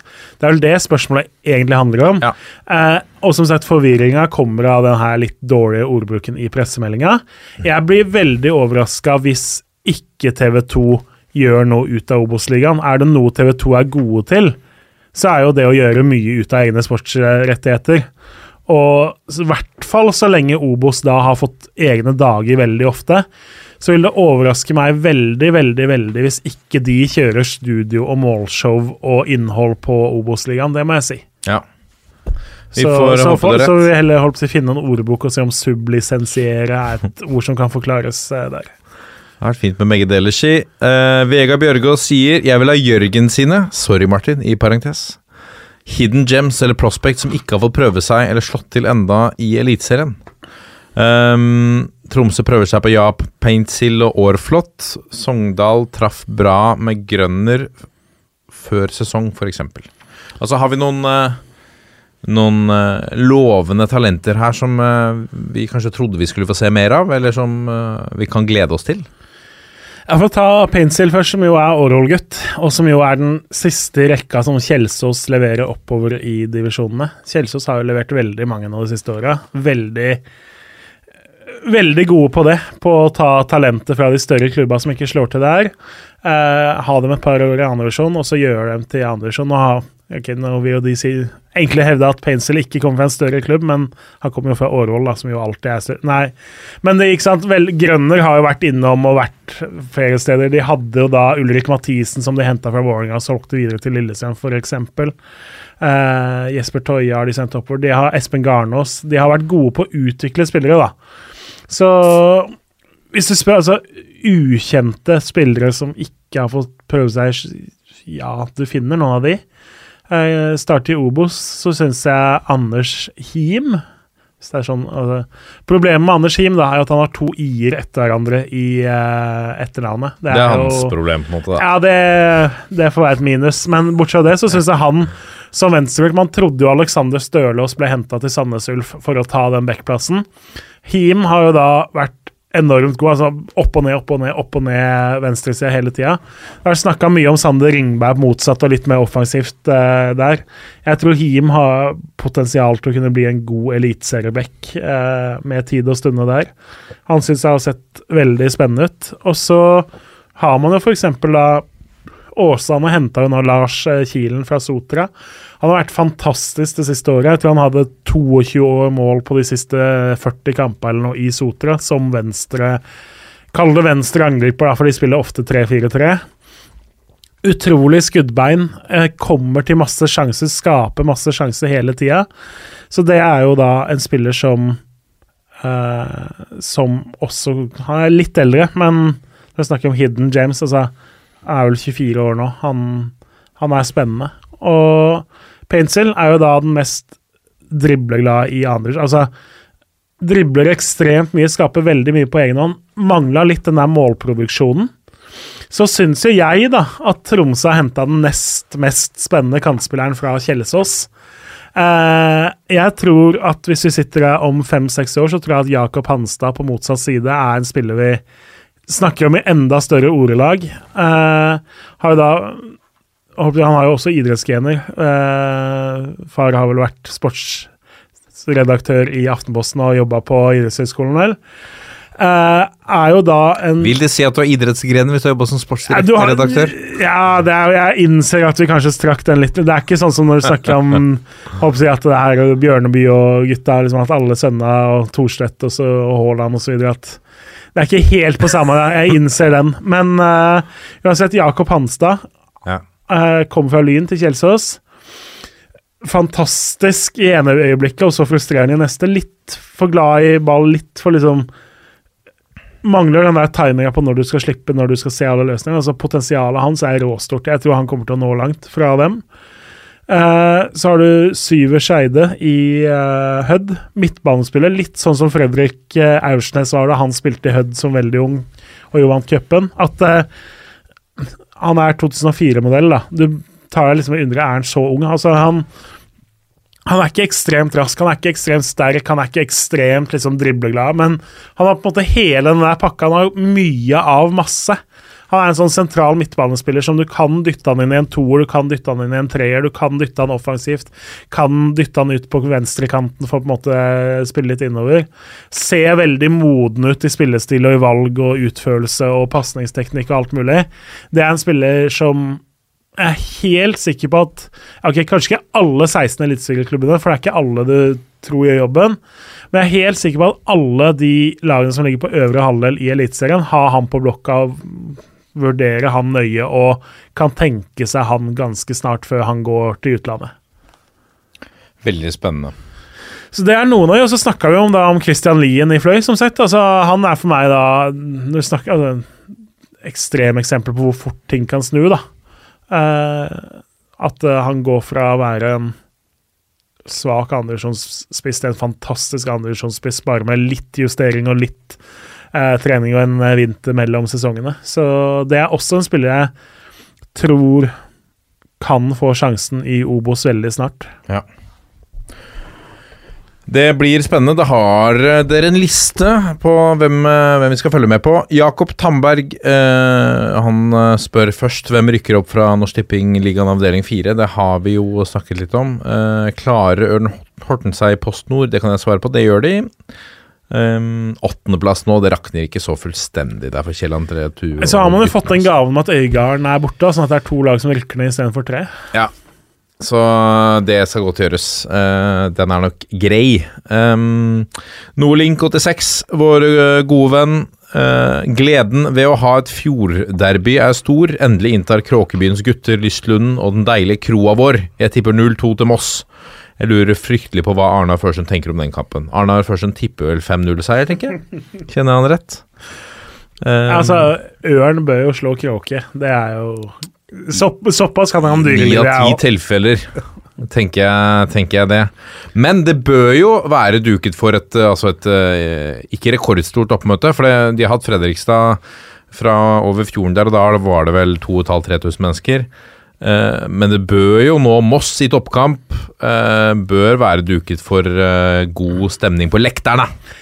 Ja, Det må jo være en hyggelig bortetur, da. Du, Som Moss-supporter, altså du leder tabellen. Det er fortsatt eh, siste rest av sommer, og du skal bare rett over fjorden. Det, Liten svele på Bastøferja der. det høres ut som en trivelig bortetur, det gjør det jo. 100 um, Vi uh, eh, Marius Helgå sier får bare håpe ferja ikke synker.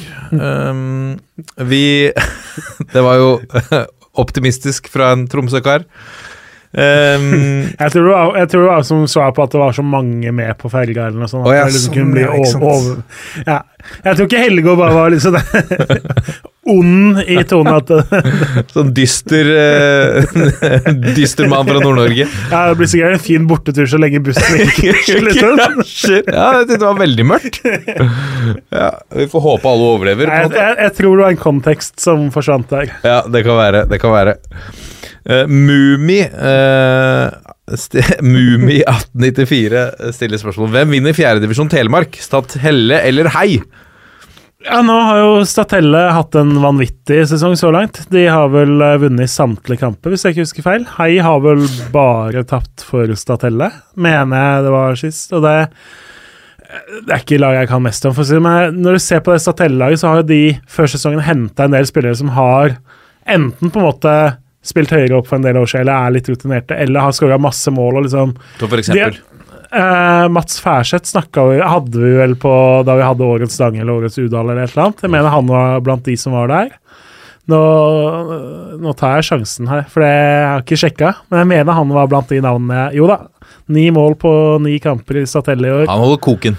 Han holder koken, så uh, Tror jo ikke jeg noen av lagene der rykker opp, for de møter jo da det, er, det kommer det vel noen spørsmål om. De møter jo Buskerud-laget i kvalik. Ja. Fordi det lurer Eirik Reime Torberg på. Uh, hvem vinner kvaliken mellom Telemark og Buskerud? Buskerud? Hvis jeg husker rett, så har Vestfossen vunnet én gang, og Uredd én gang. Er det Åskollen som tar turen opp nå? Ja, Åskollen er jo et uh, stjernelag. De har jo Jeg satt jo i dag og gjorde ferdig en oversikt over hvilke lag som har skåra mest i norsk fotball denne sesongen her så langt. Eh, førsteplass er faktisk Uredd 2. Annenplass er Åskollen 2. Tredjeplass er Åskollen. Så Åskollen er altså det førstelaget i norsk fotball som har skåra mest uh, denne sesongen her. De har jo da uh, Emanuel Tafese, som er toppskårer. Har spilt i Bærum annet, vært godsjunior. Uh, Behaidin Selina, som jo i fjerde divisjon er jo en eventyrlig spiller. Bror til uh, Bershant. Yes, Hvor er uh, Bershant å finne nå? Kasim Pasa, var det ikke dit han gikk? I Ja, Tyrkia. Eh, lån, tror jeg, fra Ipswich. Har jo ikke helt fått den eh, Klart øverste nivået i Tyrkia, vel. Jeg tror Kasim Pasa er øverst. Ja, jeg mener det. Eh, ok, men eh, det er jo ikke helt der man kanskje hadde sett for seg eller håpa han skulle være. Nei. Det var han som takket nei til U21-landslaget, var det ikke det? Spiller vel for Kosovo isteden nå, så Ja, men han og uh, faren var i møte med NFF, takket nei. Eh, I et uh, Ja, ikke ikke et stillferdig møte, har jeg fått høre. Ja, det stemmer vel det. Uh, Kinnig-Reval er der. De har uh, Kinni, ja. Gode Ja, gamle ja. Kinni fra Alle gutta-serien med Yes. medaljen. Korrupsjon. Uh, Hassan Duman, som jo har Han skårte her, når var det?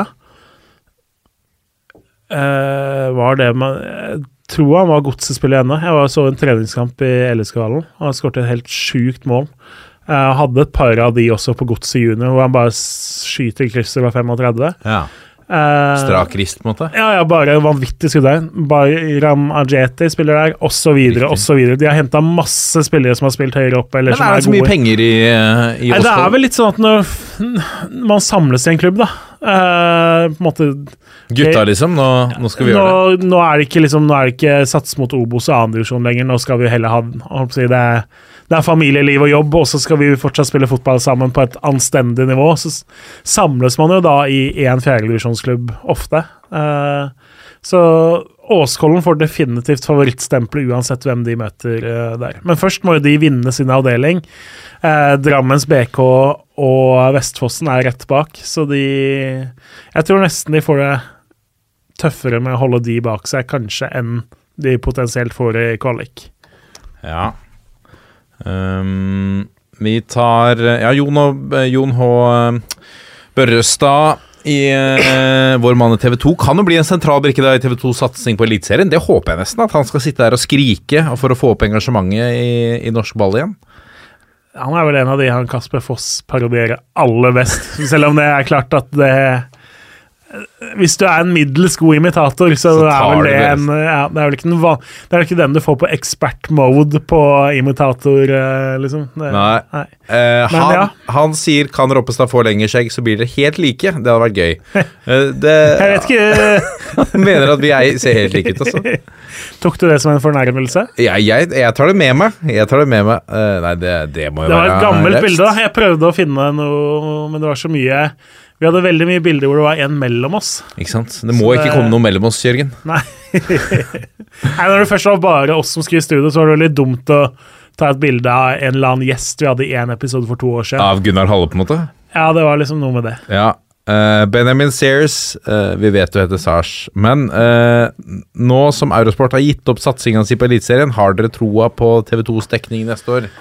Korte svaret på det er vel Ja, jeg har sett at TV 2 kommer til å fyre opp veldig og lage mye rundt det. Det tror jeg. Jeg er veldig spent på fokuset de kommer til å ha. Jeg syns jo det eh, Det er ikke bare Eurosport, men det er mye dommerfokus rundt om for tida. Og mye fokus på om treneren skal sparkes eller ikke, og sånne ting. Altså både aviser og eh, TV-mediene så er det mye av de tingene.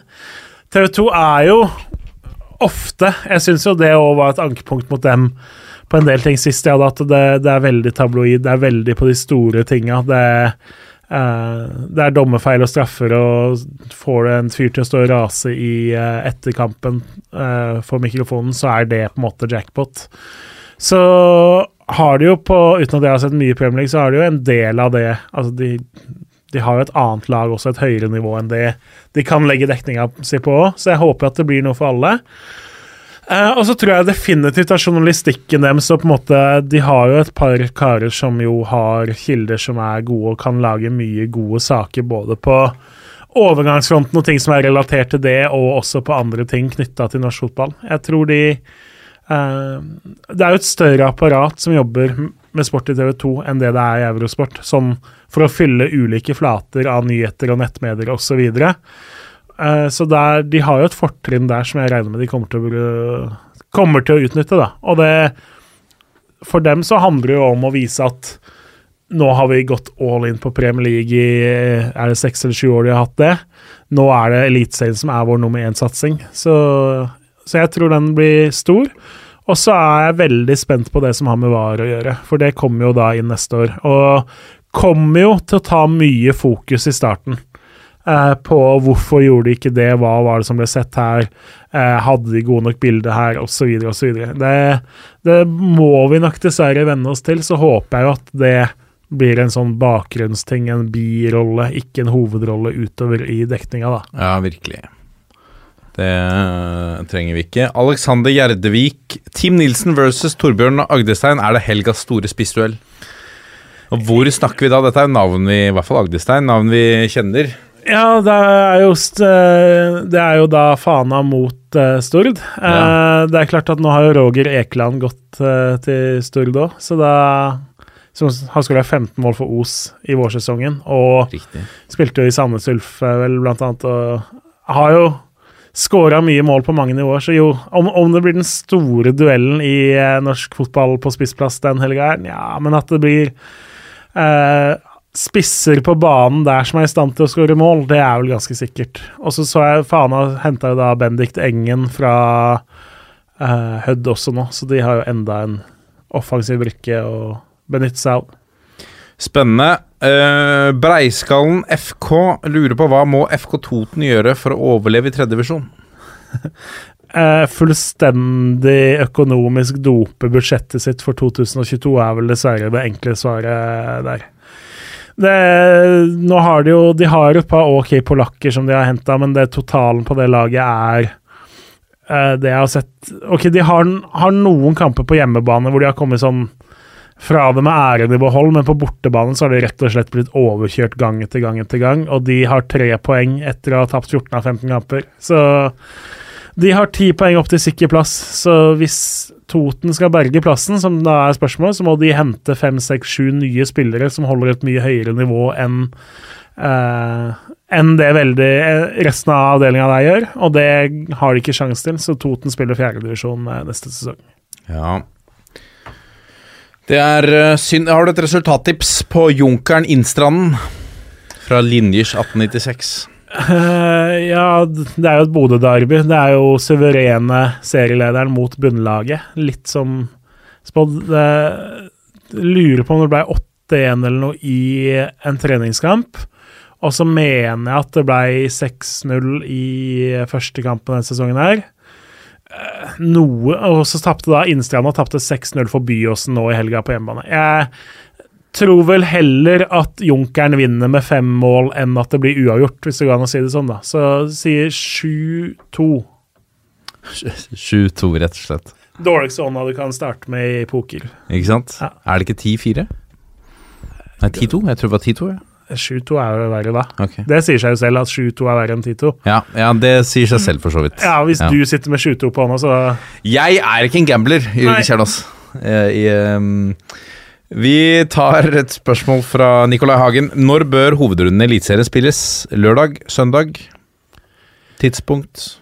Der er det så mange Altså, det kommer sant? Søndag klokka åtte syns jeg er eh, magisk. Jeg syns det er fint sånn som det er nå, jeg, da. Eller seks. Søndag klokka Eh, seks. Med en hovedkamp klokka åtte, typ. Ja.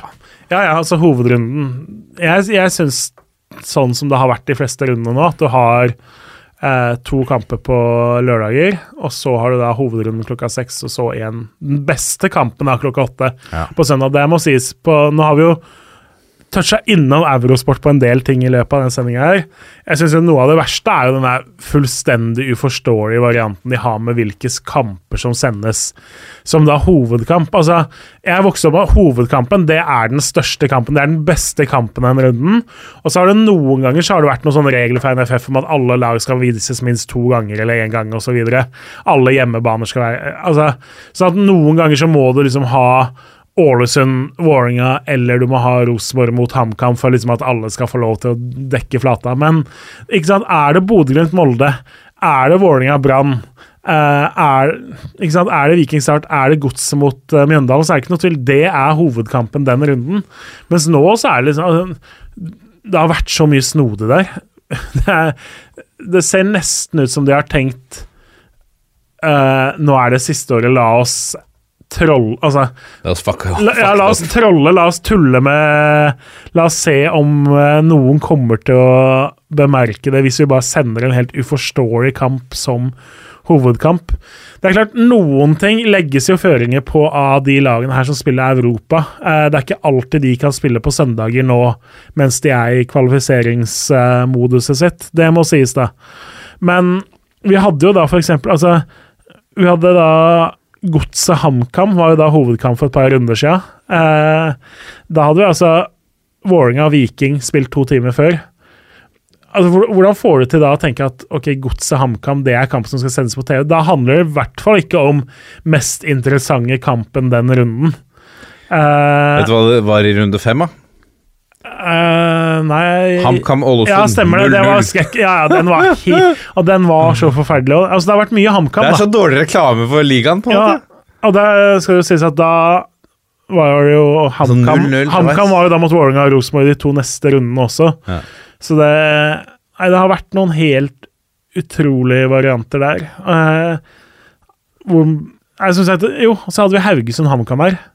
Ja. Altså, med all respekt for Haugesund og HamKam, da. Men hvis du tenker sånn som nøytral, eller du skal sette opp en kamp som folk vil se på i Eliteserien, eh, rangere lagene fra 1 til 16, da har du Rosenborg, Vålerenga, Bodø-Glimt, Molde, Brann når de er oppe, oppi der. Kanskje Viking. Eh, den type lag som er der. Mm. Og så kommer det sånn via sånn Godset og et par lag som er midt på treet. Og så kommer nok Haugesund og HamKam ganske langt ned på den tabellen. Eh, og det er jo ikke noe, ikke sant? Det er ikke noe derby, det er ikke noe historikk, det er jo ikke noe spesielt med kampen. Og av og til så er det sånn for Eurosport at hvis de har hatt sendinga si i Bodø, så er det veldig vanskelig å få sendt denne bilen som skal produsere til Stavanger på et døgn, så du kan ikke liksom ha Bodø-Glimt på lørdager og så Viking hovedkamp på søndager eller sånne ting. Men altså, det var jo ikke noe sånn at de var i nærheten av Haugesund dagen før, eller Nei. Det, det virker rett og slett som de bare har bestemt seg for å trolle hele greia, som uh, uh, La oss selge flest mulig abonnementer. Altså nå, la oss skjule Molde-Bodø-Glimt på betal istedenfor å hype opp den og lage den til hovedkamp. Altså, Bodø-Glimt-Molde gikk av stabelen nesten uten at liksom det ble lagd noe greier rundt. Det burde jo vært hovedkamp og oppladning til å lage masse greier rundt, men i stedet så, så prøvde du liksom å gjemme den, på, gjemme den i skapet. Jeg håper NFF nå har eh, Fordi en ting mange glemmer, er at på slutten, da TV 2 eh, Da det ble klart at TV 2 mistet avtalen for Eliteserien, skulle de fortsatt gjennomføre vel ca. én sesong, tror jeg med, med eliteserie. Og det var, ikke, det var ikke kjempebra opplegg, det heller. Da de tatt over Premier League, det var ganske lite fokus på norsk fotball på TV2. Så det er ikke sånn Dette er jo en dette har jo skjedd, vi har sett det før. Så, men eh, no, eh, altså en pekepinn her, må, eller en pekefinger, må jo være til NFF, som må tilsi at ok, hvis du, hvis du skal dekke norsk fotball, så skal du gjøre det fullt ut de årene du har, med et minimumskrav til hva du skal holde på med. da. Um, ja, og så er det jo Det blir jo sånn at når du har én rettighetshaver som da mister rettighetene etter én eller to perioder, så ligger litt ikke sant, Da sitter det ledere på toppen og ser at okay, det her er et produkt vi skal ut med om tre måneder eller seks måneder. Vi bruker så lite vi kan. Tenker, det er helt naturlig at en stor milliardbedrift tenker sånn om en rettighet de er i ferd med å miste. Så det er som du sier, det må ligge noe føringer i bunn. Og så hadde jo vært smart hvis man delte rettighetene på flere, sånn at ikke én måtte gå all in på det. Eh, tenk hvis nå f.eks. Eurosport og TV 2 da hadde beholdt x antall prosent av rettighetene. Det er klart, Noen vil si at ok, det prøvde jeg for noen år siden, og da endte det opp med at det sendtes dit og det sendtes der. og Du kunne by på liksom, du kunne by på målshow, du kunne by på oppsummering. og Norsk TV var kanskje ikke helt eh, til Helt klar. Eller norske TV-serier var kanskje ikke helt klare da det kom, for at alt skulle sendes rundt, og så syns jo folk det er veldig vanskelig å orientere TV-kontrollen sin vekk fra NRK1 eller TV2 i best fall. Men en liten spredning, da, er i hvert fall en tanke som kan luftes her. Ja, ikke sant? Plukket opp, plukket opp. Hørte det her først. Altså, Ønskedrømmen hadde jo vært å ha hatt et NRK som igjen bestemte seg for at eh, norsk fotball og eliteserie var noe de ville satse på og bygge opp som et godt produkt, at de hadde maksa det med tanke på ressurser og folk og hvordan de dekka det, og hatt én eller to kamper. Eh, og bestemte seg for å lage masse journalistikk og greier rundt det fordi at nå sender vi én eller to kamper i uka. Det hadde jo Jeg syns jo det hadde vært spennende, da. Ja. ja, for de har jo gjort kjempebra med cupen, mener jeg. Nei, det har de jo ikke, men uh, Men uh, Jeg har kanskje glemt Men cupen, havner den på NRK fortsatt, eller uh, er den, skal den til TV2 nå? Usikker. Jeg mener jo at de har kjøpt alt av norsk Nei, ball, tror jeg. Men, men, ja. Fordi vi har, ja, vi har jo for så vidt gitt Skrevet på passet til både Eurosport og NRK for litt ulik dekning. Cupen også har jo blitt virker som har blitt lagt i en skuff og tatt fram eh, og glemt ved et par runder også her. Eh, det må vi eh, Det kan vi ikke, sånn kan vi ikke være bekjent med. Eller, nei, skal vi se, dette husker Jo, jeg tror jeg har snakket Jeg er litt usikker. Jeg lurer på om NRK fortsatt har cupet. Da må det skjerpes. Da må det skjerpes. Kanskje TV2 kan komme på banen med et skambud også, det over. Men uh, ja, cupen er jo ferdig med å bli Sånn som når vi sitter her nå, så er det jo jeg oppdaga jo i går egentlig en tilfeldighet at shit, i morgen er det jo Jerv-Odd. Ja. Det er jo cup i morgen, stemmer det? Den ble utsatt den pga. koronacasene. Det er litt sånn at Elendig opplegg. Det kan bli første gang nesten at et lag glemmer å møte opp til kamp, fordi liksom det, det, det, har bare liksom blitt glemt av alle. Godt mulig Odd bare kjører vanlig trening i morgen og har glemt ja. at de skal til Grimstad. Det er NM, ja. Det er NM, ja. Nei, eh, vi tar Vi avslutter da på høyden, må vi kunne si det. Det er fristende å ta med et spørsmål her fra Torjus Hans Tor, Det er ikke Torjus Hansen, tror jeg. Det er Torjus Hansen som sier 'Hvordan kan vi være bekjent med en så ræva dommerstand som det er i Eliteserien'? Mister all glød når, når de som skal sørge for rettferdighet, driter seg ut gang etter gang etter gang etter gang etter gang etter gang. etter gang. Men dette er jo et eh, Altså, um, jeg syns jo Eh, la oss passe oss for å bli altfor tabloide i, uh, i å skjelle ut dommerstanden osv. hele tida. Um, uh, nå med VAR, eh, kommer det til å hjelpe oss? Ja, altså jeg vil jo nyansere den, for nå har jo det vært Det har vært en del oppmerksomhet på det her med at det er for mye dommerfokus, og det sprer seg nedover, og det, man har disse sakene som har vært gode Og det gjør jo ikke dommerne noe bedre. Nei, det gjør jo Det er jo ingen eller det, ok. Det er et par jeg har mistanke om at går ut på Det er et par dommere la oss ikke nevne navn, som jeg tror faktisk ble dommere kun for å være sadister og skape mest mulig faenskap. Men uh, det, er, det er et fåtall, da. Ja. Uh, de fleste av dem går ut på for å dømme så godt og rettferdig og et, som de kan. Uh, og så er det jo det, ok, hva er det vi kan gjøre, fordi det funker jo ikke nå. Det funker jo ikke godt nok. Det er noen dommere som helt åpenbart har levert på et for lavt nivå i Eliteserien i år. Som har gjort for mange tabber i avgjørende situasjoner i avgjørende kamper gang etter gang. Det er det jo. Jeg er VAR verktøyet som skal hjelpe dem? Eh, Jeg, det er jo på en måte en del av diskusjonen. Eh, ja, jeg blir veldig overraska hvis, ikke- altså hvis ikke VAR klarer å få ned feilprosenten. Da er det jo i hvert fall bare å kaste VAR på dynga. Den ene tingen VAR kan forsvares med. Det gjør at vi får bedre og mer rettferdig og riktig dømming. Så, så klart det vil hjelpe dem. Men så får vi høre at det skal jo bli sånn åttekamerasproduksjon som skal hjelpe dem. I de store ligaene i VM og sånne ting, så er det vel 32 eller 40, mener jeg, som er det at sant, Da kan dommeren gå inn og se på en takling fra sju ulike vinkler og superslow og derfra og så Altså, du får jo ikke det samme åtte kameraer. Du klarer ikke dekke feltet like godt og alle vinkler på den måten. Men, men eh, med åtte kameraer så får de da se det samme som TV-seerne får se, mest sannsynlig. Så det kommer ikke til å dukke opp andre bilder som viser situasjonen fra en annen vinkel, for de har dommeren mest sannsynlig da kunne se, da. Så vi slipper kanskje eh, Da blir det jo eh, bedømmingen fra den situasjonen der som blir avgjørende.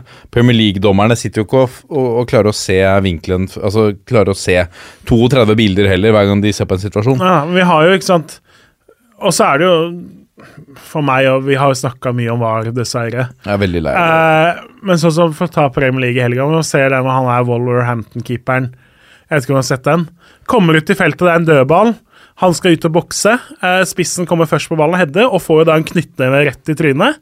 Og VAR ikke liksom er inne og titter på engang. Det er jo Det er jo straffe. Altså, det er ikke noe å diskutere engang.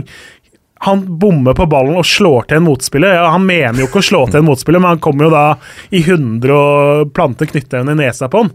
Så klart det er straffe. Og så når ikke VAR titter på det, liksom, da Ja, det Når det er tilfeldigheten Det blir jo ikke alle situasjoner som blir sett på. Du må fortsatt rope og hyle for å skape oppmerksomhet om ting. og Hvis du har en spiss da som går ned og kanskje skal ha straffe, og så gjør han ikke noe ut av det, og så er laget opptatt av å forsvare, eller så er det ikke sikkert den situasjonen blir sett på, selv om det er mer straffe enn noe annet som blir granska. Altså. Ja, sant.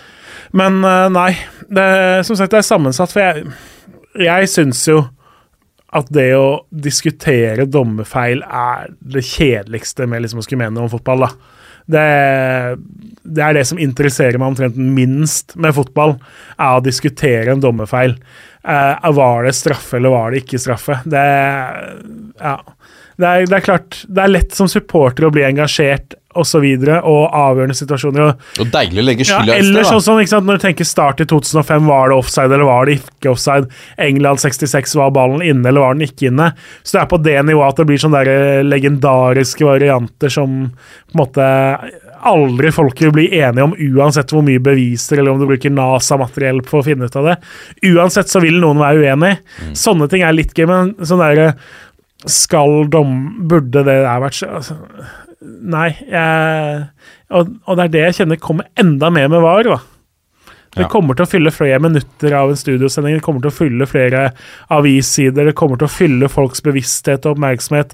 Det er det som blir snakka om etter kampen, istedenfor å finne ut hvorfor Odd for femte gang på går av banen med tap etter å ha sett best ut før pause osv. Ja.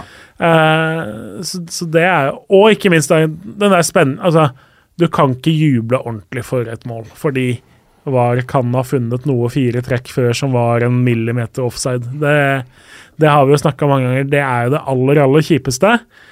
Dommerne blir bedre, eller avgjørelsene blir Altså treffprosenten blir jo høyere. Det, er, det må være fasit. Hvis ikke, så som sagt, så Jeg er spent. Ja.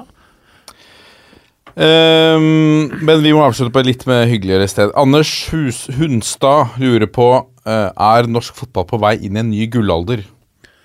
Ja, nå har vi jo så vidt tørsta litt unna om disse norske lagene i Europa. Eh, nå klarte vi jo Kan vi ikke, Før vi Ja. går videre fra det, kan vi ikke liksom kort oppsummere hva som Altså, vi kan Det vi snakket om før vi gikk i studio i dag, vi kan potensielt få et lag som er direktekvalifisert til gruppespill i Champions League.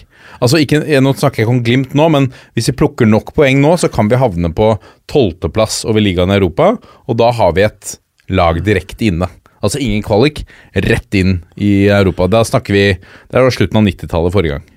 Eh, ja, så vi er jo der at hvordan ting nå blir når det er omlegging av Champions League osv., det er jo ikke helt umiddelbart uh, klart. Og så uh, Men det som jo er sikkert, er at per nå kommer vi oss opp på 15.-plassen. Så er det den store skillelinja. Vi ble nummer 17 nå etter forrige sesong. Uh, kommer vi oss opp topp 15 isteden, så betyr det at da får vi med to lag i Champions League-kvalifiseringa istedenfor ett. Vi har med serievinneren og sølvplassen. Sølvplassen går jo da inn i den derre Det er to forskjellige stier inn til gruppespillet. Én for seriemesterne, som Bodø-Glimt er i nå, og så én for lag som har blitt nummer to, tre, fire i sine ligaer. Så det vil jo si at skulle det skje nå, så kan andreplassen i Eliteserien da møte andreplassen i Skottland eller andreplassen i Belgia osv. i den kvalifiseringa. Mye færre lag, få plasser, trangt nåløye, men likevel så er det jo alltid sånn at ryker du ut, så havner du i Europaligaen, og så havner du i Conference League. Og I tillegg så vil jo 15.-plassen gi oss at nå har vi jo tre lag i kvalifiseringa til Conference. Vi får med Det er vel to av de som istedenfor å være med i i kvalifiseringa til Europa League, hvis vi blir nummer 15. Så det er den store. Og så mener jeg nå Jeg ble litt usikker om det er tiende- eller tolvteplassen som er der hvor det går for direkte inn i Jeg lurer på om det er tiendeplassen, jeg om jeg solgte inn for mye til deg i stad. Eh, hvor det går an å drømme Men ikke sant, tolvteplassen er også et skille, for der går det liksom på når du kommer inn, osv. I kvaliken. Eh, men det store positive, det som, sånn som jo Uefa eh, koeffisientene funker, er jo at gjør du det bra de fem siste sesongene, så får du en bedre ranking. Da får du presumptivt lettere motstand neste år. Får du, øh, altså får du like mange poeng for en seier i Champions League som en seier i Conference? Nei, det er mer i Champions League, det er mer i vanlige turneringer enn i kvalifiseringa osv. Men for eksempel nå så er det jo dumt at Bodø-Glimt har tapt på Færøyene osv. Fordi du får mer poeng for en seier eh, i enkeltkamper. Det handler ikke bare om å gå videre, så det handler om enkeltkampene i kvalifiseringa også. Uh, og du samler jo poeng for to stykker, du samler poeng for deg selv. Så Bodø-Glimt samler jo poeng for Bodø-Glimt. Derfor har Bodø-Glimt en god seeding i år, fordi de gjorde det veldig godt i fjor. Uh, og da så kan du si ok, de skulle egentlig møtt Malmö nå, som hadde vært halvvanns, men Bodø-Glimt har jo ikke gjort det go godt i Europa så lenge før forrige sesong. Men hvis Bodø-Glimt nå er jo klar for gruppespill, samler poeng der, så kommer de til å være sida enda høyere neste år, hvis, når de er i Europa da. Og så samler du poeng for landet. Det er der vi snakker om at uh, den der evige diskusjonen er det bra for norsk fotball at rivalen til laget jeg holder med, går til gruppespillet. Nei, det er jo ikke bra for Rosenborg eller Vålerenga at Bodø-Glimt nå kan få 290 mill., eller hva det er, inn i Champions League-inntekter. På kort sikt så er det kjempedumt for Rosenborg og Vålerenga som drømmer om seriegull. Men for norsk fotball så betyr jo det at okay, hvis Rosenborg eller Vålerenga går inn, så går de inn kanskje i andre eller tredje runde til Europaligaen istedenfor å gå inn i første eller andre runde til Conference League. Det er mye større sjanse for at de om et år eller to eller tre også kan komme i gruppespillet i Europa. Eh, man ser jo ser Molde sin vei nå. ok, De var uheldige med å møte det her østerrikske laget, men altså, å møte nummer fire i Østerrike er liksom siste steget for dem. da. Og da var de uheldige med trekninga fordi de har en god seeding etter mange gode sesonger. Du gjør det lettere og lettere. Det er, en sånn, det er en positiv spiral når du gjør det bra. Da får du det lettere neste år, og da er det lettere å samle enda flere poeng. På samme måte så hadde jo norsk fotball sånn en stund at vi gjorde det dårlig, og lagene vårt våre røyk ut mot middels motstand i Europa. Vi samla kjempefå poeng, og da møtte vi enda vanskeligere motstand og hadde enda lengre vei inn i gruppespill året etter igjen. Eh, så, den, så ja, den har snudd, og sånn sett så er jo Eliteserien nå på vei mot et mye høyere nivå enn vi har vært på lenge. Nå er vi jo høyere sida enn både Sverige og Danmark ut fra resultatene i Europa de siste sesongene.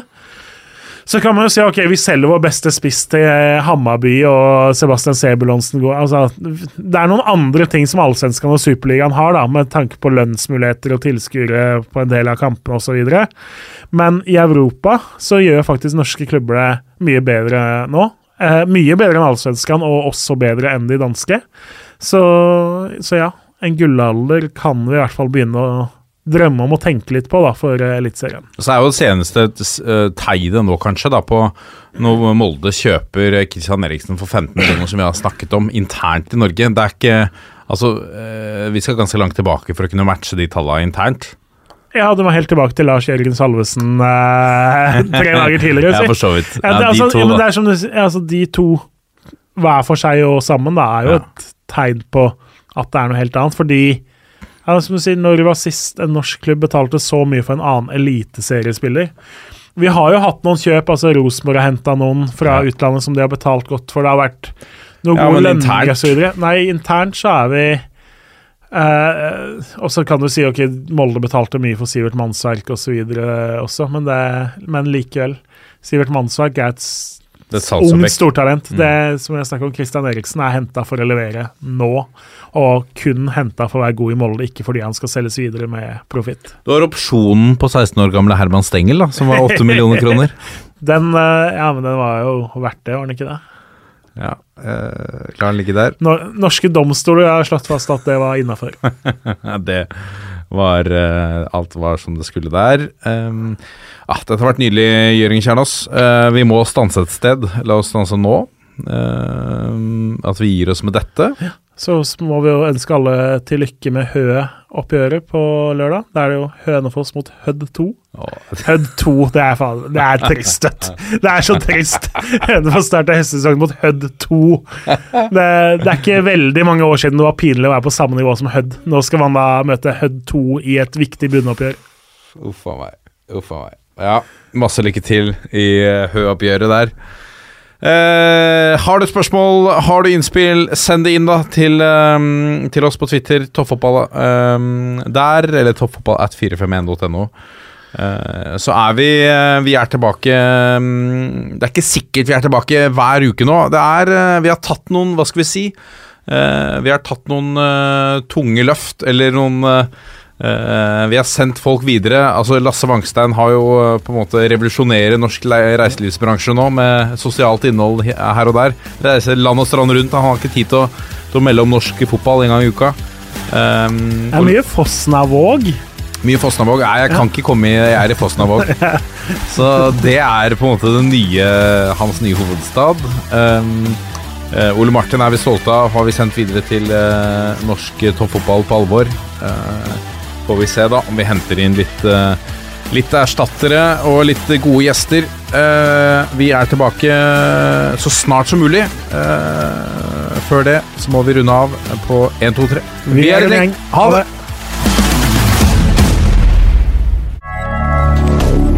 Moderne media.